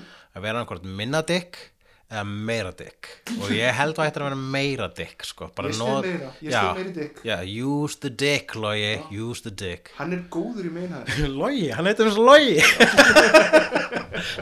no pun intended Light that shit up En um, þú ert að hérna, tapa. já ég var nefnilega talað um þú veist að horfa á fólk s- s- hreinsa, hvað, taka í sundur striga sko, Já. var það sem er Nei, bara restóra rístóra striga Ógeðslega sko. gott. Vá. Mhm. En hérna, Fylgist með einhverjum svona smámæltu manni Skrúpa, leðri smá, ertu með AMSR? Ha, nei, nei, það er bara þessi tiltekningur sem ég er að fylgjast með Já, síðast. nefnilega smámæltur ónulega, það Taka var, Air Jordan sko frá það var, maður 1985 og bara- hljómar er svo algjört tinglehead klám sko. Alla, Ok, en Eh, hérna Ég uh, skal ég þér segja, var horfði nefnilega á til þess að sopna. Já, Ég var að fara að hanga með Erni og, og Guðmynd og Óskari vinnu mínum um kvöldið og reyndar Helga Björns líka, bara það, það er hann að segja. bæn, bæn En hérna, um, og ég hugsaði bara, æ, neina ekki að vera þreyttur í kvöld, þannig að ég ákvað að sopna og setti þá á hver æ for a straight guy. Mm?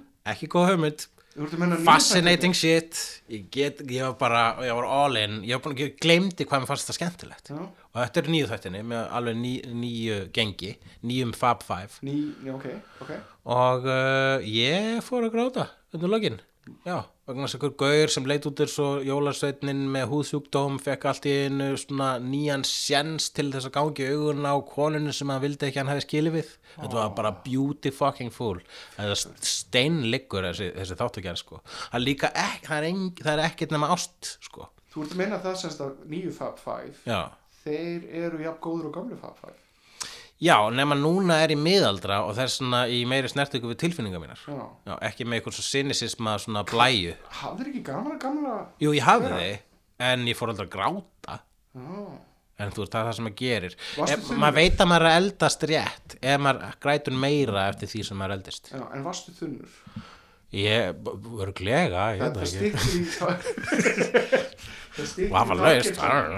Maður hefur alveg þessar sterkur tilfinningar en, en, en, Ég er alltaf en smáþunnur. flæða þess auðveldar þegar maður er pínu þunnur og svona lítlýsir já, jú, ég veit, ve- veit það vel en það, ég hugsa að það hefði ekki verið ráðandi faktor hér Já, Uh, jú, það er gott, ég geta vel hugsað mér að kíkja aðeins meira á það, gott að vita af þessu þáttaröð þarna. Ég ætla ekki að drífa mig, ég ætla ekki að beinsa það sko vegna þess að þetta er meira svona til þess að grípa í af og til, já. Ég, svona var, eins og rósavín. já, ég var farin að hlakka rosalega mikið að tala um The Marvelous Mrs. Maisel en, en þið rættuð um það Já, en það er drullu gott. Já, frábært efni Ertu búin að klára seríuna? Uh, ég er búinn að, nei, ég á við um eftir eitt þátt. Já, ég er Jonesy, mér langar á ógeðslega mikið í meira Þetta er svo gott stöf þetta er mjög gott stöf. Þegar ég eh, fattaði að þetta voru Gilmore Girls, Amy Sherman Palladino, það, ég fattaði þegar ég bara var að klára þáttum með tvö, bara þá sá ég nafnið hennar.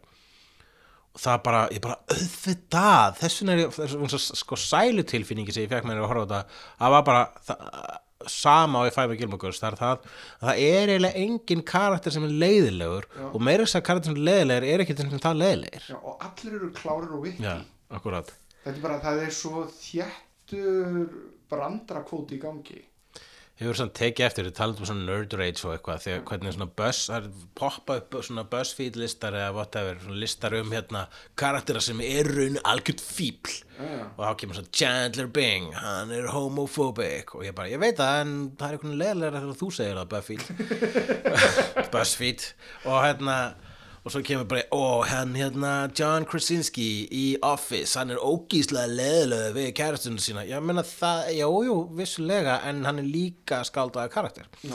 og bara, og hann Luke í Gilmore Girls Jesus Christ, hversu mikill hálfviti Ég- það er eina sem er góða við þann karakter er það hann er hálfviti Já. uh, mér finnst það að vera skrítið þegar fólk verið reitt út í karaktera uh, segi ég með varan á vitandi að ég hef vafalust kvartað yfir uh, svipuðu hlutum hér í Ísland í Já. dag þetta er Þorsteinn Jóð lítill hundur horfir á eftir okkur er við rennum úr hlaðinu það er alltaf góður og gamall íslenskur siður að ræða málin ég veit ekki hvort þetta Kaffibolla. er Ég pappabrandari þú ert, er- þú ert í pappabrandara en þú Þetta ert er að ekki fara- kaffi pappabrandari, þú nei, nei, ert, nei, nei. þú ert að hermyndið Þorstein Jóa sem er total pappabrandari en síðan heldur áfram og þannig að þetta er hægt að vera pappabrandari Ég, var að ég detta veit inn á- ekki ég alveg var, hvernig ég var að detta inn á sko nördalegan referens sko, hefn, ég ætla að enda í hefnhundalegu referens Ah, shit, en þú bara skemmdi ég greift það? fram já, skemmtir það sko Shit, fyrirgefðu. en ég myndi ekki segja að herma eftir karakter sem er minna relevant í dag en að var fyrir tíu árum sé pappa pappa brandar þarf bara einfallega að vera lélögu brandari en eftirherma það er pappa, eh, pappa eftirherma pappa herma eftir Já, pappa er hann maður eftir, þeir eru lélegir í því, ég er óslega góður í þessu. Nei, ok, ég, uh, uh, það sem ég vildi sagt hafa er, jú, jú, jú, jú ég sé eitthvað pappalegt við þetta, sko. En ég myndi samt ekki setja, við mögum ekki setja of víðan, víða skilgreiningu Nei, ég veit það, en það var, það var pappi þarna til að byrja með en síðan eins og ég segi hættan var að pappabrandari Pappabrand Mm, er svo augljós, Já. en ég er svona fó smátt í þetta. Ég skal alveg viðkynna þegar ég er með pappa, ég er búin að vera tvo að hinga til. þetta er svona súreal pappabrandari Það, ef það er súrjál, það var það ekki pappa. ég er samt, samt. Nei, Hann nei, er þarna. sorry, ég ætla bara að leifa mér að vera bessivissirinn í brandararskilgreiningum hérna. ok, Rikki, þú ert tvær maður. Þú getur að tala um struktúr og persónusköpun. Ég vil leiða mér að fá brandarana. nema hvað hérna, já, Marvelous Miss Maisel er ógeðslega skemmtilegt stöf mæli eindrið með því ég horfði líka á, hérna, á þýska seríu sem að uh, á að vera komin á Netflix en er ekki komin á Netflix á Íslandi uh, en ég fann mér leið til að horfa á í gegnum aðra leiðir sem heitir Babylon Berlin sem ah. er hérna, framleitt og hluti til leikstýrt og skrifað af Tom Tiger sem að gerði hérna, Lola Rent Run Lola Run Já, já. og hérna og hérna hvað heit- Sense8 með hérna Wachowski sýstrunum Mhm. og hérna og Ilmin kveikmynduð útgána sagstu hann einhvern tímann? Ég sá Elmin kvikmyndu útgáðana, ég, ég hafði ekki lesið bókina og ég veit að allir sem að lása bókina hvertu yfir því hvað alpersonum var myndarlegur. Já, ég held að það sé alveg Svo að hann átti stæða að til vera bara alveg hvað sem móta, hvað sem mótuljótur, sko. Mér finnst myndist hann alveg fín sko Eða Hún hvað er- sem ljótur, eins og maður segir. Já, með, ó guð En hérna uh, ba Berlín, nei Babylon Berlín er svona uh, millistrís þrjá, hún gerist hérna á uh, 1929 minni mig og er svona hérna, í Berlín 20s, Roaring 20s og er svona film noir Já, uh, saga það er samt ógeðslega frústræðandi að það voru engin plottatriði leist almennilega í lokin á fyrsta sísunni þannig að þetta var eiginlega næstu í helmingurinn af stóru sögunni sem þau eru allir að segja þannig að það var, það var mjög frústræðandi upplifin að enda fyrsta sísun þannig að þetta er þessu þýst stöf. þýst stöf Já. bara nokkuð fínt Mhm, eiginlega bara mjög skemmtilegt ef ég á að vera fullkomlega hreinskili Ok, uh, já, vel að maður sjekki á þessu, en það er, sem sagt, uh, það er bara, þetta er eitthvað, þetta, þetta hljómar eins og í rauninni, eins og uh, Downton Abbey, að því leiti að þú ert bara, þú, þú um lögu byrjar þá ert, það, þér er ætlað að vera hér að eilifu. nei, ég myndi nú ekki segja það Nei, það er, þetta er náttúrulega þetta er, þetta er rough stuff í gangi sem að, þú veist, morð og, og, og nöðganir og vændi og fátækt og kommunistar í uppreist Já, og, sem að gerist einmitt í í Downton Abbey nema bara ekki á Downton Abbey heldur Já. alls þar annars þar í Breitlandi nákvæmlega Já. þetta er, þetta, er, þetta, er, þetta er umfyrirlega það sem er að gerast á sama tíma Mm. bara í Berlín uh, og á ég, sama tíma í Breitlandi uh, en ég þarna já, skemmtlegi karakterar þetta er alveg tótal svona film noir stemning sem er í gangi Já, og það sem er skemmtilegt líka er tónlistin að það eru standard, standardar einhverjir sem að hérna, uh, Brian Ferry ber ábyrð á já, sem sagt, hann ge- gaf út hérna, einhverjar plötus bara, the- hann sem sagt, stofnar hljósti sem heitir, sem heitir The Brian Ferry Orchestra sem hann gaf út plötu sem heit The Jazz Age þar sem hann tók gömul lög eftir sjálfan sig og setti í svona 20s jazz feeling Mhm. mæli með þeirri plötu líka ok uh, Ég, talandi um tólest í sjóðstáttum ég er búin að vera með eitt playlista í gangi og alveg freka lengi skal ég þér segja mm. og það er tónlistin á, ég fann, fann þetta á Spotify bara tónlistin úr uh, Luke Cage það er svo ógeðslega solid playlist það er bara það besta úr hiphopi og jazzi og soul og allir svartir í tónlist þetta er bara drullu fucking gott ég geti verið með þann, play- hann er bara svona örugur playlist til að setja á þannig séð nema kannski svona við rólegt inn en þetta er kannski allt inni inn á kannski aggressivt uh, hiphop en á öðru leiti þá er þetta alveg sko. aðeinslegt sko. Er þetta svona party playlistin þess að það? ég myndi bara frekar segja svona bara playlistin hann er, eh, jú jú, party, party playlist er mjög góður, jú, algjörlega en já, ég er búin að vera í átæki hér mm. er, það er meistaramánuður Já, og mitt gig er að horfa á bíómynd daglega sem ég hef ekki séð áður ég gerði þetta líka fyrir árið síðan nú ætla ég að fara í eh, g- eh, grófum dráttum yfir eh, það sem að eh, ég horfði á ég horfði á 1. februar á kvikmyndina Night of the Comet sem að er svona eh, bara low budget exploitation zombiumynd mm. ég, ég lýsi hérna alltaf myndunum af ekki bara lýsa myndunum hérna, í sam, samháttu ég gera hér á Facebook við erum að fara að móka okkur í gegnum lista er það, Já, ekki? já, það er já, alveg akkurat. komin, það er hvað, 12 þannig að það eru tó- 11 myndir komnar Já, ok, ok, Night of the Comets, ég fjallar um 80s systur sem bonda í miðjum uppvakninga heimsendi. Hún er mjög skemmtileg, actually, þessi mynd, uh, já. Uh, og a- a- a- eiginlega bara besta við hana er hvað hann er 80s. Mm. Það er meira þess að Girls Just Wanna Have Fun kemur þarna einu tímabili. Það er ágæti samtrakt þarna. Já. Hugsalega er það dýrasta lagi samt sem að þau fengu. ok Svo uh, annan februar horfði ég á kvipmyndina Altitude Altitude Altitude frá árin 2010 þar er á ferðinni fegur að falla fólk sem flýgur í fangi á skíakolgrapa þetta er eh, mynd sem ég keifti svona á, á an impulse þegar ég var ekkert um hann að bara kaupa alls konar rugl á Amazon mm. og sá ég þarna mynd eh, sem að kofverið var einfallega kolkrabba armar sem kom út úr skíu og voru að fara að grípa litla flugvél ég bara kolkrabbar í skíunum já, ég velst það og hugsa, þú veist, ö, ég er ekki enn og ég er ennþá, ups, op, op, op ég er ennþá eftir að sjá Sharknado þar voru náttúrulega uh, uh, hákarlar Já. í skíunum og ég hef líka teikna skíja hákarla uh, í á mynd sem að hétt Robopop vs. Cloud Sharks uh, en uh, þetta er mjög lélega mynd En konceptið er á allt lagið, þessi mynd hefði bara átt að vera stuttmynd, þetta var svoleiðis eh, s- ságalli, Já, sem er kvimliðu galli kvimlegu galli, gerðist þá frekar stuttmynd Já. Uh, og þá hefur líka geta nota peningin sem þú sparaðar við það til mér í betri kolkrabba mögulega Nú, svo horfði ég á 3. feb á uh, The F- A Field in England eftir Ben Wheatley sem að er að verða minn uppáhalds nýji leikstjóri. Ég hef ekki síða slæma mynd eftir þannig mann. Alla myndin er svo góðar, mér veist sísta, mér þess að, sko, ég, hugsalega er Field of England. Ben Wheatley, gerði hann Hell or High Water Nei, þetta er breskuleikstjóri sem að gerir, alla myndir hans eru rauninu frekar brest-based myndir. Hann gerir Sightseers, hann gerði uh, Kill List og hann gerði uh, High Rise og hann gerði Free Fire sem að ég sagði var eina bestu mynd síðast árs. Já, já, já, Field in England er mynd sem að hérna, segir frá eh, gerist í, í borgarastyrjöldinni í Breitlandi sem var fyrir mörg hundur árum, nokkur hundur árum segir frá því þegar alkimisti þvingar liðhlaupa í súrialíska fjársjóðsleit eins og ég skrifaði Ben Wheatley hefur líka leikstýrt í þetta Dr. Who þætti hann hefur leggst í Dr. Who þáttum og uh, ha- þessi maður er bara hann er með hugmyndaflugið í lægi hmm?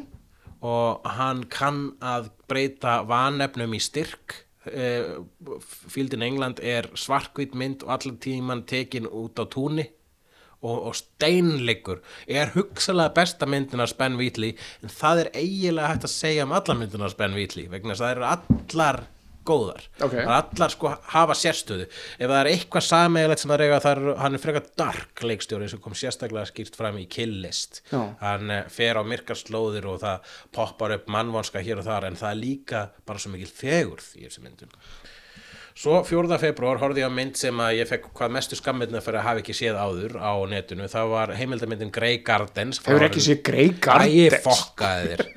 Frá árinu 1975, hér er satt frá einangruðum, eða, ég skrifaði einangraðar mæður ángra einatt hvora aðra. Já. Nei, mæðgur. Mæ, einangraðar mæðgur ángra einatt hvora aðra. Það hefði hægt að vera að finna skemmtilegri Nei, þetta er, tangtvistar þetta er þarna. mjög snirtilegt Já Hún er bara frábær, Já. frábær mynd en heimildam, að þú veist það sem gerir þess heimildamynd eru karakterinir, sérstaklega dóttirinn Frábært eða ekki frábært, ég veit það ekki Ég fekk svona, ég fekk svona umt í hjartað einhvern veginn eftir að horta á hana Ég veit að ég er ekki, ég átti pínaritt með hana, e- þetta er ekki mynd sem ég mun horfa á oft Já. en hún er algjör kvöldari og það er margir sem hafa síðan marg oft og eitt af því sem hann, hann hérna, Fred Armisen tók fyrir í dokumentari í Ná þáttunum Já, nokkulega Þeir nema hvað það var vampýrur það ekki Já, þú ert að spóla þess að ég er ekki búin að sjá það Já, fyrir ekki Allavega, svo er eh, 5. februar horfði ég á mynd sem að l- ske- bara hlungaðist þann daginn á Netflix, það er kvikmyndin The Cloverfield Paradox sem er þriðja myndin í Cloverfield bálkunum Mhm. Ég var hendur að En lesa bálk það mætti eitthvað kalla- staðar Það gæti verið að, að, að Cloverfield 4 og 5 séu tilbúnar nú þegar Já, það er bara ágætt, fínt, flott Var þetta Gera góð mynd? Já, mér fannst hún góð, mér fannst hún síst af Cloverfield myndunum Já. en Cloverfield Lane var frábær Cloverfield Lane er eiginlega best Já, og Cloverfield fyrsta er æðisleg Já. þannig að að segja eitthvað sér sísta þessum þreymur myndum, það er ekki að segja þessi slæmynd Axli, hún, er, hún hefur nokkra góða, drullu góða takta Axli og svo er hann hérna, hann uh, Írin úr IT-krát þarna mm. fyrir okkur til, hann er svona komikur í líf svolítið mjög gaman á honum, hann er mjög skemmtilegt aðrið þarna með höndin á sér gott, gott uh, 7. februar horfði ég á uh, Shit, erum við ennþá í sjötta My Week with Marilyn sem að ég sagði ekki um annað um hana en að kvikmyndastjarna á bátt Já, mér leittist gífurlega mikið að horfa á hún það var slæm hún ros, hún lúkkaði rosalega vel Já. en e, þeir höfðu ekki þarna þeir, gá- þeir, þeir, Sæður ekki eitthvað samt í þegar að Kenneth Branagh sem Lawrence Olivier hafi verið gaman það er það besta við þá mynd að Ég það held bara, ekki- að finnir þess að Kenneth Branagh vildi óska þess að hann var í Lawrence Olivier og hann, hann fekk hann að verða og hann bara gera það svo vel en hann er nákvæmlega sam á Lawrence Olivier hann er að leikstýra hverri ha- Shakespeare myndinni á fætur annari með sér í aðhluturki Mhm. sem er það sem Lawrence Olivier gerði, þetta er beautiful en, eh, en þú veist það var mjög erfitt að gera Marilyn Monroe að simp, eh, hún, hún var ekki vel gerð að, hún var ekki gerð vel sympatísk Já. í þessari þessari mynd maður var ekkert mikið af vorkenninni hún var líka en, en ég held að samt að, að hún hef ekki verið uh, ég held að hafa ekki uh, unfaithful adaptation á henni sem karakter ég held að hún hafi pínu verið svona Já uh, En þetta, er- þetta er nefnilega, þessi mynd ber með sér þessi merki að vera alveg f- rosalega faglega og fallega gerð en bara draugslega leiðileg já og ég, ég bara er ekki bara og svolítið draugar eru er ekki búið skemmtileg að sorry setja með svo- mig já, já, draugur er skemmtilegir Já. draugsleg já. Draugsle, hún, er, hún er bara s- leiðileg, punktur er ekki Marlon Monroe ó, bara ef við höfum hipsturakrikkuna hérna Hvað- er hún ekki pínu ofmetin Marley Monroe já Næ, ég held að, sko málega það hún breytist í risastórt íkon sem Hún er icon, allir já. horfa upp til og, hún var frábær í samlæki og tótt hún hefur eitthvað, Og eitthvað svona hvað meira? magic touch hún var með eitthvað, hún var með eitthvað X-faktor já já og það er bara allir sem sá hana þau fjall í stafi fyrir henni og síðan var hún Það var einmitt mjög mikið í alltaf þessari stöðugt. mynd. það er, þessi, það er líka þetta, það er þetta yfirborð versus innri kjarni að hún, hún býr til ímynda sjálfur sér sem að hún þarf síðan að lifa með en er sjálf miklu greindari og, og bara hinn raunverulega manneskinn hann að bakvið, Já, tjöldin akkúrat. er djúbstæð og áhugaverð og, og, og Það er hár hjá þér og ef það er eitthvað sem að reyndar hún Michelle Williams gerði í, hlut, sem, sem, í hlutverki sínu sem Marilyn Monroe í þessari mynd og gerði rosa vel var það að hoppa úr þunglinda tínda ka karakterunum í frontin, Marilyn Monroe frontin sem að var visslega brautriðandi þá með því að uh, nota sexapílið á þann hátt sem hún gerði þannig að vissulega, jú, algjörlega uh, ekki hægt að segja að hún sé ofmetin en however myndin ekki góð þessi 7. februar horfði ég á Village of the Damned frá árið 1960 bresk mynd klassíkur hryllingur, klassískur hryllingur alla konurnar í litlu þorpi vera samtímis óléttar og eignast creepy telepathic aria börn ég hef bara sér Carpenter endurgerðina ég nefnilega hafði bara séð Carpenter endurgerðina og þessi mynd er miklu betri eins og ætti ekki að koma neinum ávart þetta er drullu gott stöf, ég hlakka til að horfa Children of the Damned framhaldið að þessari mynd uh, svo horfði ég á uh, Three Billboards Outside Ebbing, Missouri ekki segja orðum hana, ég hlakka mikið til að sjá ég hana segi bara hér móðir áskorar vanhæf yfirvöld til að leysa morðdóttur sinnar með áhrifum miklum hætti og fyrir sjálfum afleðingum er ég nokkuð að spoila Ég, þú ert alveg í spoiler territory, Mm, mér langar ekki að vita þú veist þetta vissiru já, ok, já, ok, en drullu fokkin góð já, öruglega Ef, þú náttúrulega hlakkar sérstaklega til að sjá hana vegna þess að þú heldur mjög mikið upp á leikstjórun og handur sér Mhm. Martin McDonagh og svo horfði ég á uh, The People Under the Stairs eftir Wes Craven sem að ég skammast mér fyrir að hafa ekki séð áður ég frá nefnilega, árið 1991 ég tók hann ekkert tímann á vídjóli og ég held að ég hafi ekki verið nema 13-14 ára hún er örugglega æðisleg þegar hún var 13 og 14 ára og fríkað út og ég, hef- þetta er svona eina af þessum myndum sem maður bara svona blankaði einhvern veginn í minninu það er alveg nóg af sitt í þessari mynd sko. já, ég get ekki sagt þér eitt einasta atriðu best myndinni að horfa á hana samt í hópi þessar, þessar myndir sem eru, hryllismyndir sérstaklega sem eru orðnar 30 ára, sko peysið í þeim er svolítið hægt, þannig að maður þarf að horfa á með vinum til þess að geta djókað hann um milli Mhm. ég horfði á hana einn og saknaði þess að geta ekki ei, það er nú svolítið ble ble ble ei, er hún ekki aðeins og ble ble ble Alright. en engar síður, það er hún er ókisla skemmtileg svo horfði ég á eh, hvaða dag frá, er þetta á? ég er á tíundadegi tíundadegi? To Kill a Mockingbird frá 1962 Börn læra sitt hvað er þau fylgjast með föður sínum að verja saklausan mann í fordómafull- fordómafullu samfélagi Það er nú flott mynd. Þetta er byggt á bók sem að allir lásu í skóla nema myndbekkur og framhaldið að bókinu var að koma út í fyrra Já, bara lága einhverjum, einhverjum lager hjá Harper Lee já og kom út en er just ekki jafn gott Nei, það er eitthvað sem ég hef heyrt, uh, na, fe- fengið nasa þefun af, eða hef heyrt um, það er að segja. Uh, þetta er náttúrulega drullu góð mynd, það þarf ekkert mikið að segja meira um það. Svo horfði ég á myndina Agassi, held ég að sé framburðurinn á henni frá árinu 2016, hún heitir á ennsku The Handmaiden og íslensku Þernan, hérna er þjófur sem þykist vera þerna til að fjefletta hefðarkunni en verður svo orð ástfangin. Þetta er sami sögutráður, þetta er byggt á bókinni Fingersmith sem ég man ekki hver samdi eh, ég byrst forláts á því kæru kúristar en, eh, ég, hérna, en þetta, þetta er er mynd eftir Chan Wook Park eh, Chan Park Wook, eh, hvernig svo þú segir nafnið hans er þetta ekki, er, er, já, er ekki þetta park dæmið, er það ekki Park Chan Wook, ég held nefnilega að þú veist að þeir, Chan Park þeir, þeir, þeir það er einhver öfugur röðun á Það nöfnunum er þetta, þetta er sko þetta er sama á Japan, það þú raðar þessu upp eftir í hvernig þú segir nafni eða hva, hvað samingi þú segir nafni held ég allavega er alltaf verið að svissa þessu á öllum síðum sem ég fletti upp þannig ég veit ekkert hvernig það segja þetta sjálfur however, þessi mynd er, já, þessi leikstur gerir til dæmis uh, Vengeance uh, þríleikin, þekktastur fyrir Oldboy en uh, hefur ekki gert glataða mynd og þessi mynd hugsalega hans besta mynd damn átti son ekki orð og hún er drullu fucking erotísk og það er ekki að hverjum degi það sem er erotísk mynd er líka góð vegna þess að það er erfitt að jögla þessum boltum mm -hmm. Svo Mhm. ég sá horfði þarna plakati sem hann þrandur gerði fyrir þetta Já, það er aðeinslegt ég, ég, Hann gerði samvinni með mig, hann gerði bara myndina en ég leita lítið út af svo gamalt svona hérna, listasýningar, kervalstaða plakat ah. um, en náttúrulega þrándur náttúrulega gerði alvöru vinnuna þarna ég var bara að redda þessu, gera þetta pl- láta þetta lítið út sem þú plakat. grahöða þetta ég græði þetta uh, Horfði ég á í dag, í morgun basically, á myndina eh, Daimajin Gyakushu eða, eða Daimajin snýr aftur eða Reyði Daimajins eða eh, Daimajin bregður á læk eða hvernig hún hefur þýtt á margan hátt mm -hmm. Uh, hér er sagt frá því þegar börn klífa yfir fjall til að bjarga feðrum sínum frá þrælahaldi og fá hjálp frá guðunum, skástrygg, djöflunum, Daimajin. Þetta er þriðja myndin í aðtiklisverðum skrýmslabálki frá Japan sem heitir Daimajin, sem er kaiju perióta. Kaiju mynd sem gerist á tímum samúræja Ok. eða þú veist, þeirra, ekki samt það er engin samræðar myndinu, þeir allir voru með svona þú veist, í svona, með svona snúða og og, og, og, og, og, og voru svona japanskir í gamla daga Ég skil þig. já, ok, og hérna e, þessi, þessi myndir er sérstaklega því leiti, ekki það, bara það að þetta eru kaiju perióta Já.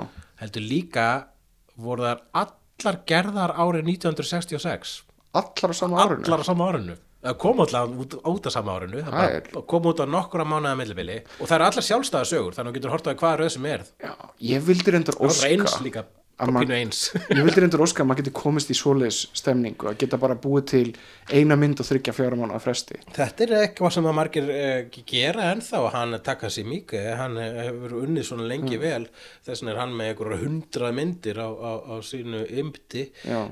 það sem ég get að vil bara að segja Ég var reyndar akkurat að horfa á Blade of the Immortal. Hún er Já, góð. akkurat, hún er á Netflixinu, hún er á watchlistanum mínum, ég Mm, Mjög Mm. ætla bara kúl. að drífa með að sjá hana maður Frískandi mýke.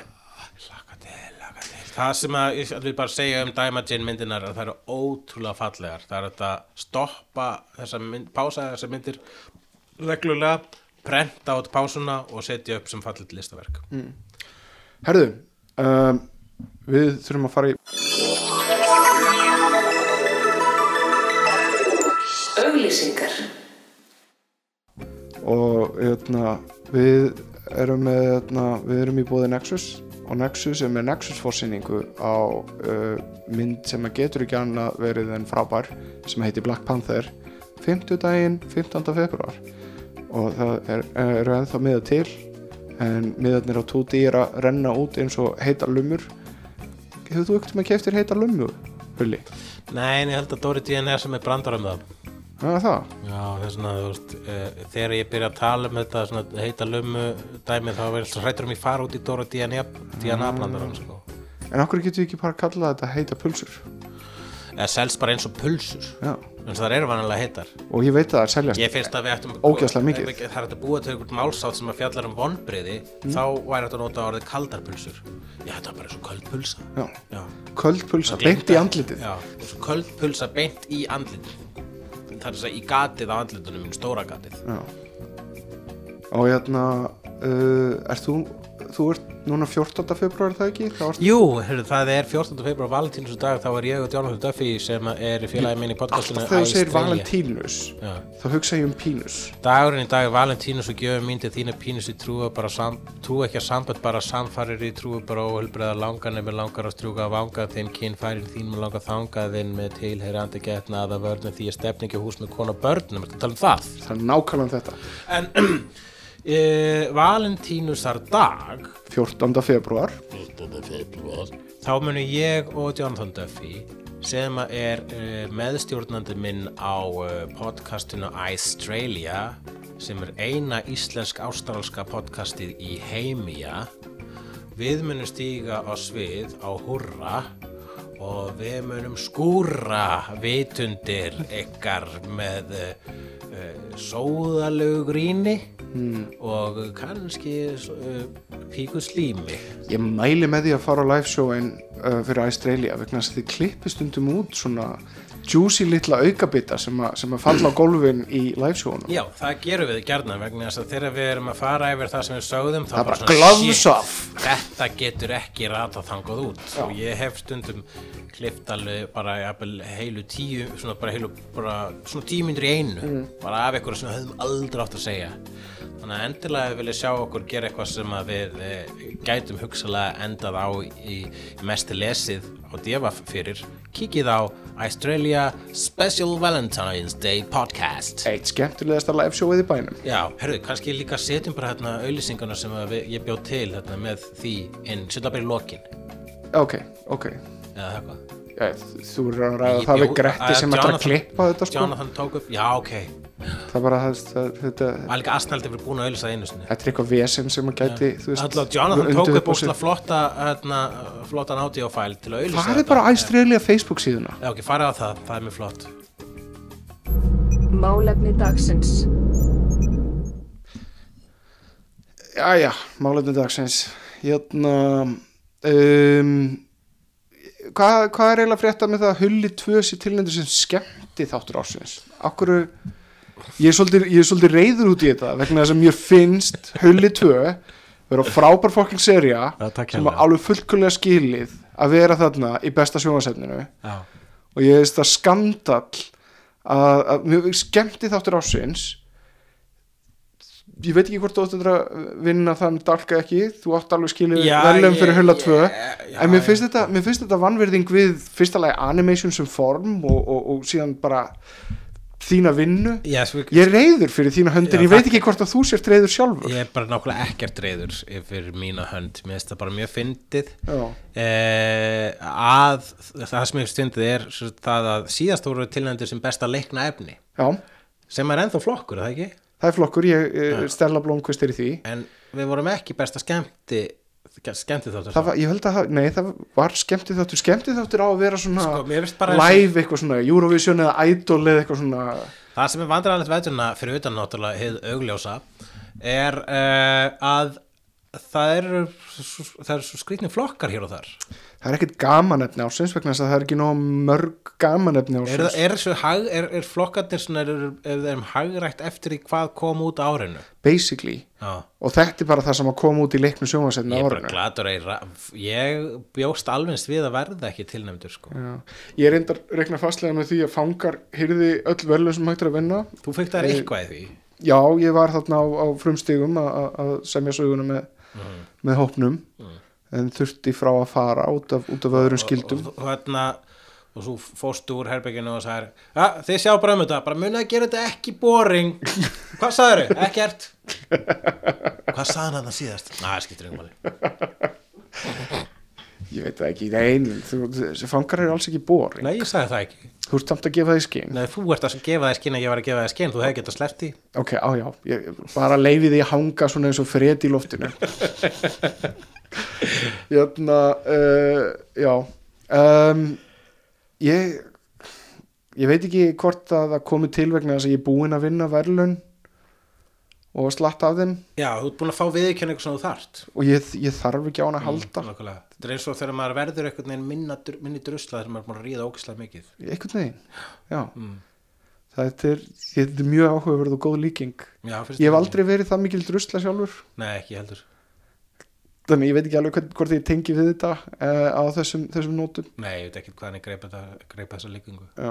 en, en þú veist ég er að hugsa um hvort að maður ætti að mæta yfir höfuð Ég sko, auðvitað á maður að mæta Er það? Ævar, Þetta já er- ég, ég Maður veit aldrei það- verið of cool til Ég að hef mæta nú- vettuna ég hef notað þessi rök sjálfur bara. þetta er uppskeruhátíð yðnaður Þetta þú er verður að náttúrulega uppskera- mæta jú, til jú, þess jú, þetta- að sko, en- sjá fólk og heilsa og Eddan er Hún er uppskjöru hátið yðnaðarins Já, og ég hef hún ekki- er, og það er góða sem hún gerur, hún vekur aðtegli á yðnaðinum Mhm. og minnir fólk á mikilvæja hans og minnir sjáðu hvað við gerðum, við erum Ísland og við gerðum þetta og sjáðu þetta lítur næst út þessu alveg kvikmynd. Ah, ég held að Og svo þetta miskilja, framvegis. ég er Já. ekkert að gaggrina Nei, nei. ettuna sem slíka, ég er bara að tala um mína persónulega nálgun á Já, það. ég er hvar, bara að hvar tala um- ég stend sko ég er að tala um mína persónulega nálgun mér finnst þetta Mhm. en mér finnst það líka að vera alveg stórskemmtilegu farsi Já, að því leiti að þú veist, við erum eitt bara svona, sjáðu hvað við gerðum, við erum Ísland og okkur þú veist að gera svona, þetta bara lítur út eins og eitthvað sem er í útlöndum og svo svo erum við líka bara, þú veist sjáðu, þetta er allt sem við gerðum og við ætlum að tilnæmna allt Sko. og ef það ger, við verðum að passa okkur að gera ekki of mikið því þá verður kannski einn eða tveir uh, aðlið út undan og þá er það sérstaklega vandrarlegt fyrir þá Já, ég samt sakna pínlítið eddunar eins og hún var þegar að, til dæmis 2007 eða 8 8 held ég Já.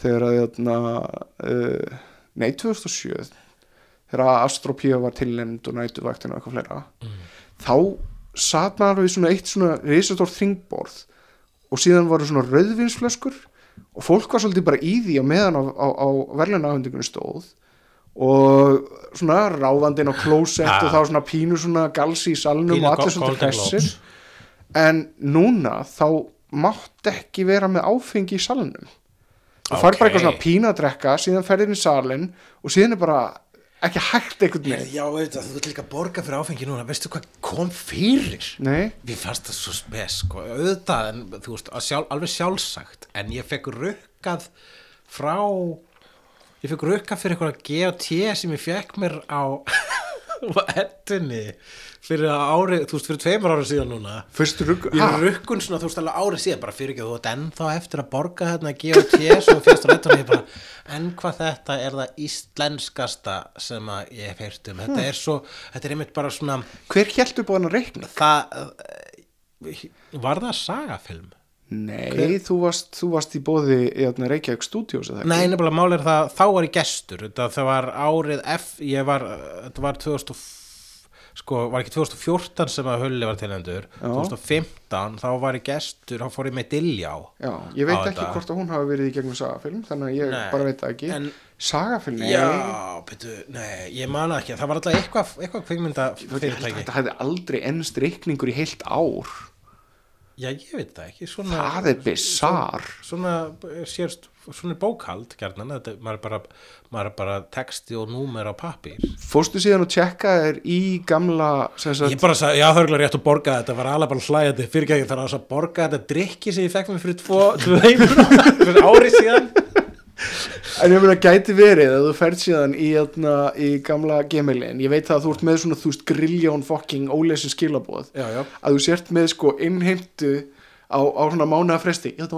soptu þarna gjótiðin í tveggjara sögu af póstum þar sem er búið Já. að reyna að innheimta þetta svo að sér hérna, það var það bara eitt ár en hérna, þá uh, uh, nei, það var ekki það var uh, mynd kannski einu sinni og síðan a- einu sinni svona eftir hálft ár og svo aftur eftir heilt ár bara, sorry, þú ert að fara að borga þessi drikki hérna og ég bara auðvitað að því, ég meina, þú veist, auðvitað þarf ég að borga fyrir Akkur sendur ekki bara skilabóð hei, hérna, á ég ekki bara að bjóða þér upp á glas núna þegar næstu? Já, það er, á, ég- já, akkurat Það er, það er það sem er svo fyndið við þetta er svo, Þú þarft ekki að gera svo undir neinum kringastæðin en þarna bara, sko, við getum ekkert fara að borga sér drikki, þú veist, ef við borgum fyrir hann þá borgum við fyrir alla bla, bla, bla. og það er alveg góð rauk, en þetta var bara svo drullu fyndið og líka ég meitt bara svona já, akkurat, við erum á þeim stað það sem er sko okkar Óskar er þannig mm. ef þú pantaði drikku, gleymur að borga fyrir hann þá færir rukkaru fyrir hann miklu seinna og eh, Hver veit nema Jim Carrey sé búin að fá einhverja, einhverja bakreikninga frá, frá Óskarnum? Já, va- Hver veit? Já, t- jú, hva, örg, ég veit það ekki Hann Þau geti fá- hafa þau- nei, pantað þau- flöskuborð skilur þú Þau veist á fá Golden Globe ókeipis Þau fá gjafakörfur og Já, eitthvað já, já, já, Já, og, uh, og, og þú veist, það er ennþá peningur þarna í Hollywood já. En uh, uh, uh, ætti ettan að vera á, þú veist, sjaldnar já. Ég, ykkur hefur sagt á tveggjara fresti, ég segi þryggjara fresti Ég samt sko, þú veist, það, það hjálpar að hafa hana svona reglulega vegna þess að þú veist, þegar þú ert að fara síðan að marka setja sétið þitt Já þá viltu hafa það að, aðeins næri tíma heldur en já, hérna, ég fekk verðlaun hérna fyrir seríuna sem ég gerði fyrir þremur árum þú vilt fá verðlaunin núna svo þú getur farið og, og selt seríuna með verðlaunatakinu Já, nei, ég eh, eða kveikmyndina Ég, hérna, uh, uh, jú, ég, sko, fyrstilega, mér finnst að það, hérna, væri meira spennó ef þetta var þryggjára fresti upp á það, þá eru fleiri sem, þú veist, þá er ekki, þá, þegar þú er tilnæmdur, þá líður ekki eins og og sett bara tilnæmdur vegna svo vastatna. Já. Það er svolítið tilfinningin. ég, ég, ég, fæ þessa sko, tilfinningu næstu við allt. já, já, yes, við einhver tilnæmningu, en basically bara vegna þess við gerðum eitthvað. ég og þú hverju fleiri voru Nákvæmlega. Fá Ég er svo keppni. glaður að það nennir að tala um þetta núna vegna þess að þegar við byrjum með hefnendur Já. þá stoppa, stoppa þú upptökuð þegar ég við vorum að koma með eitthvað svona djók bara neina stopp stopp, við fyrir ekki að tala svona núna ertu búin að vinna svo mikið að þú bara I fuck it og en Nei, en ég meina, þú veist, maður vill eh, á sama tíma þá, þú veist, maður vill ekkert vera að dissa ettuna. Þú varst reynda svolítið reyður út í ettuna þá, minnum mig. Það var eitthvað, það var eitthvað öðruvísið, það var svona, það var gremji í þér, ég held að það hefur nýbúin að tapa eða eitthvað slis. Eða sem nýbúin að tapa fyrir ástriði. Já Hvort Ég- það hafi verið ég vona eitthvað ég- svoleiðis forsendur Nei, sem svo að- gremja endaði bara einn dag og það vegna þess að ég bara viljandi lét hann enda einn dag ég bara var alls Já, staðar. ég er ekki, ég er ekki að tala um að þetta hafi verið eitthvað langverandi gremji, heldur bara Nei, svona nei. tækifæri til þess að venda. Ævar, jú, ég, skal, ég skal- myndi gangast við því ef að ég, það er rétt hjá þér en það, ég var, þegar, þegar við köttum á þetta samtal fyrir í þætti númer þrjú að hefnundum eða eitthvað, þá var að þá sagði ég, sagði ég eitthvað bara svona la- þá sagði ég að Edda væri bara algjör brandari og eitthvað svona, en ég kannski hljómað ég veit það ekki, ég kannski, var svo sinikalega hljómaði ykkur gremja í mér en það var alls ekki neinn gremja vegna þess að ég hef mjög gaman að þetta og ég er alltaf fyrstu til að verja hana þegar fólk segir þetta er bröðl og peningablokk og það var, það var cancela þessu og alveg svo áramótasköpun og Eurovision bara nei, nei, þetta á að vera áfram þetta er ókislega gaman það er bara líka mjög auðvelt að gera grína þessu en hérna, og ég, ef að ég er tilnefndur eða bara fæ tækifæra til að fara á hátíðina sem ég hef gert með þér og öðrum þá fer ég, vegna sem mér langar að fara í celebpartíið og sjá fólk taka við velunum og vera, vera með mis eh, alvarlega ræður, þakkaræður Já, síðan enda, enda maður í einhverjum svona eldingarleiku auðablu og steinda junior og, og, og reyna að finna eitthvað partíð eftir edduna og Já, við fóðum því eddir, eddir partí Eddir partí Þannig að ég skal bara lána þér hérna ef við hérna getum fengið hérna aðeins, Eh, jú. Valla pappabrandari sko Þú var svona ella er afabrandari En sko uh, Hérna Uh, Jú, en ég uh, Það er uh, Hvað ég vildi sagt hafa Þá, uh, væ- þá, þá væri nefnilega Kennir mér spennandi ef að vera tekið það fyrir sem var síðustu þrjú ár en þá náttúrulega kennst maður ekki jafn oft í þetta partí þannig að það er mjög sjálfhverjur ástæður að ég er ekki með sterkar skoðanur á hversu miklum peningi ég er eitt í þetta however kemst ég ekki í ár vegna þess að ég er að fara til Þískaland sem ég er búin að bóka eh, viku í Þískalandi fyrir svolítið síðan vegna þess að ég er að fara að byrja með eh, s- uppistandsjó á ensku ætla túristum og vonandi að fara með það eitthvað út og ég er ekki búin að flytja efni mitt en einu ráði í ár þannig ég er að fara í bara í æfingarbúðir til Þískaland sem er búin að raða upp open mics á nánast hverju kvöldi þessa viku sem ég verðar og er að fara að bara æfa að uppistandast svo ég geti komið með almennið sjó fyrir túristina sem að vonandi borga sig inn þegar að þetta verður hér á Íslandi núna í mars en þannig að ég hef ekki einu sinni vínalegt andlit lilla hullans sko, ég fannst svo cool að geta bara svona, hugsa svona Æ, nei, ég kennst ekki í útlöndum þannig, þú veist, ef að það skildi gerast að ég vinn Já. þá ætla ég að senda þorra á svið það var reyndislegt það er svolítið flott, sko getur þú fengið hann til þess að vera í karakter samt þegar hann svona tekur gott svona, við fengið hann til að vera í karakter þannig hann hefur aldrei verið öðruvísi heldur en hann er í þá já, hann ég er veit bara það, alltaf en svona. hann er röddans best alveg í raunveruleikanum sérstaklega ef þú- ef þú réttur um hljóðnema en ef hann bara segir svona Já, nei, nei, það er hann, þú veist, hann, ég- ég- ég- þegar hann er ta- talsettur hulla þættina þá er hann að tala í hljóðmann nema þetta verður nákvæmlega eins það, ég hef engar ágjur á því uh, en sko uh, síðan sko sagði ég við kæristunum mína bara svona, hún var eitthvað svona til hamingu ég bara, já, já, dag, dag it doesn't really matter en það var svona cool hvað þetta var og svo sagði henni að ég kæmast ekki og þá varð hún svo leið vegna þess að ha- að hún hlakkaði svo til að fara á eitthvað svona með mér og ég var eitthvað að segja, "Hey, þetta skiptir ekki máli mér er alveg saman, þetta skiptir ekki máli ég vil fara á þetta með þér mér finnst það gaman, það er einmitt það sem ég vildi gera þetta er deiti sem ég vildi með þér og ég bara leið alveg ömulega já, þú getur kannski huggaði það að þú hefur örugglega ekki fengið miðan fyrir hann þannig að hefði ég líklega ekki fengið meðan fyrir hana Nei, þú, það er bara erfitt að redda miðum á ettuna nema fyrir Fær maður ekki einu sinni fyrir verðlaunahafann maka?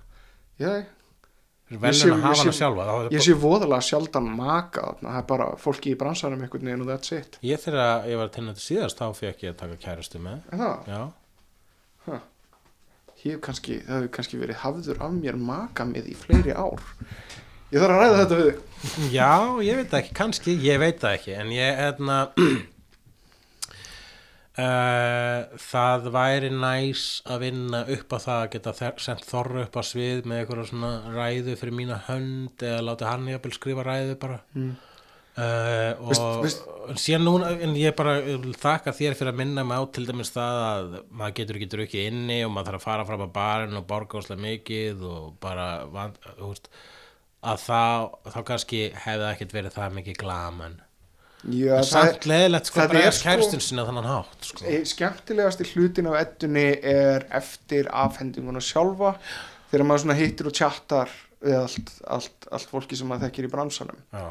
og tekur svona, þú veist, yfirlít á það sem gerðist Stór plús, ertu í akademíunni ég veit það ekki hafðu tjekkað á því vegna þess að það sem þú þarft að gera er að skráði í akademíun og þá hefur farið aðgang að öllum ver verkunum sem eru tilnæmd og þá getur hort á alla bíómyndirnar og alla sjónvastættina sem þú ert ekki búin að sjá Akkurat það er mjög hendugt Já, já, já, já Akkurat ég, En fangar er á Netflix Ég byrjaði að horfa á þar Og uh, búin að sjá Stellu Blomqvist Stella er, hún, hún er ekki að vera að taka þetta Heldur að fangar taka þetta? fangar taka þetta alveg Er tíma það? já, já, já, Jú, það horfðu allir, voru allir að tala um fanga já, já, já. Akkurat. og í ofanlega skilur þá er, er, er Stella ég veit það ekki, er svona hlutir sem að eru hvernig var það, skemmtilegir eða vi- reyna að vera skemmtilegir Hmm. Já. býð alltaf uh, lakari hlut við fó- hluti sem að eru Nei, það er, ekki, alvarlegir. það er ekki cool að vera skemmtilegur eh, Já. þú veist, og allavega- bíómyndir, skvarðin er bíómyndir og síðan skemmtilega bíómyndir síðan alvarlega leiknaserjur og síðan neðst skemmtilega leiknaserjur Já, akkurat Já, með það- og ég skal bara segja það um íslenska bransan að eh, bara reynið að brosa aðeins ég, ætla, ég þarf samt eiginlega að leiða þetta þetta vegna þess að ástir eru búin að vinna fullt vaktinar eru fullt þetta er, hvarðir eru örugglega bara búlsitt hjá mér stundum vinna skemmtilegar serjur Já, það er náttúrulega skemmti efni eða skemmti þáttur, sko sem ég, er- ég er tilnöndið basically fyrir að að vera skemmtilegur ég og mitt fólk Mhm. en uh, um, ég held að ég gæti, ég fyrst það að mér finnst bara að uh, áramátskaupið ætti að taka það, sko Eh, bara svona, fyrir skemmtið þáttin Já, en ég er samt líka að segja það vegna þess að það er aðsnæld að segja að maður ætti að vinna sko. Já. þannig að ég, að- að- þetta, var- þetta var Langaði að algjörlega falst vinna? að mér Já, ég vil að við vinnum Uh, vegna þess að ég, eh, sko, ég bara mér finnst, uh, hérna uh, það var bara allir sem að koma að þessu þætti stóðu sér svo vel að mér finnst að þau ættu skilið eitthvað þarna og það væri úkslega gaman að sjá þorra á sviðinu sko. það væri ógætlega gaman Já e, Þú veist, ég meina frekar en sögu og dóru Hvað er ekki komið ógi á þeim?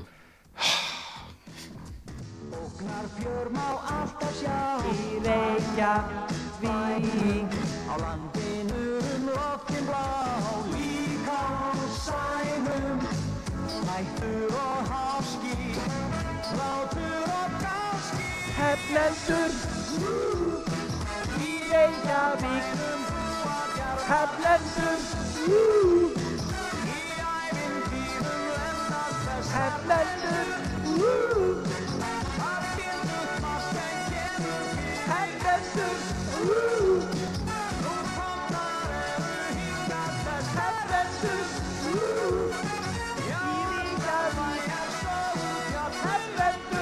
Woo!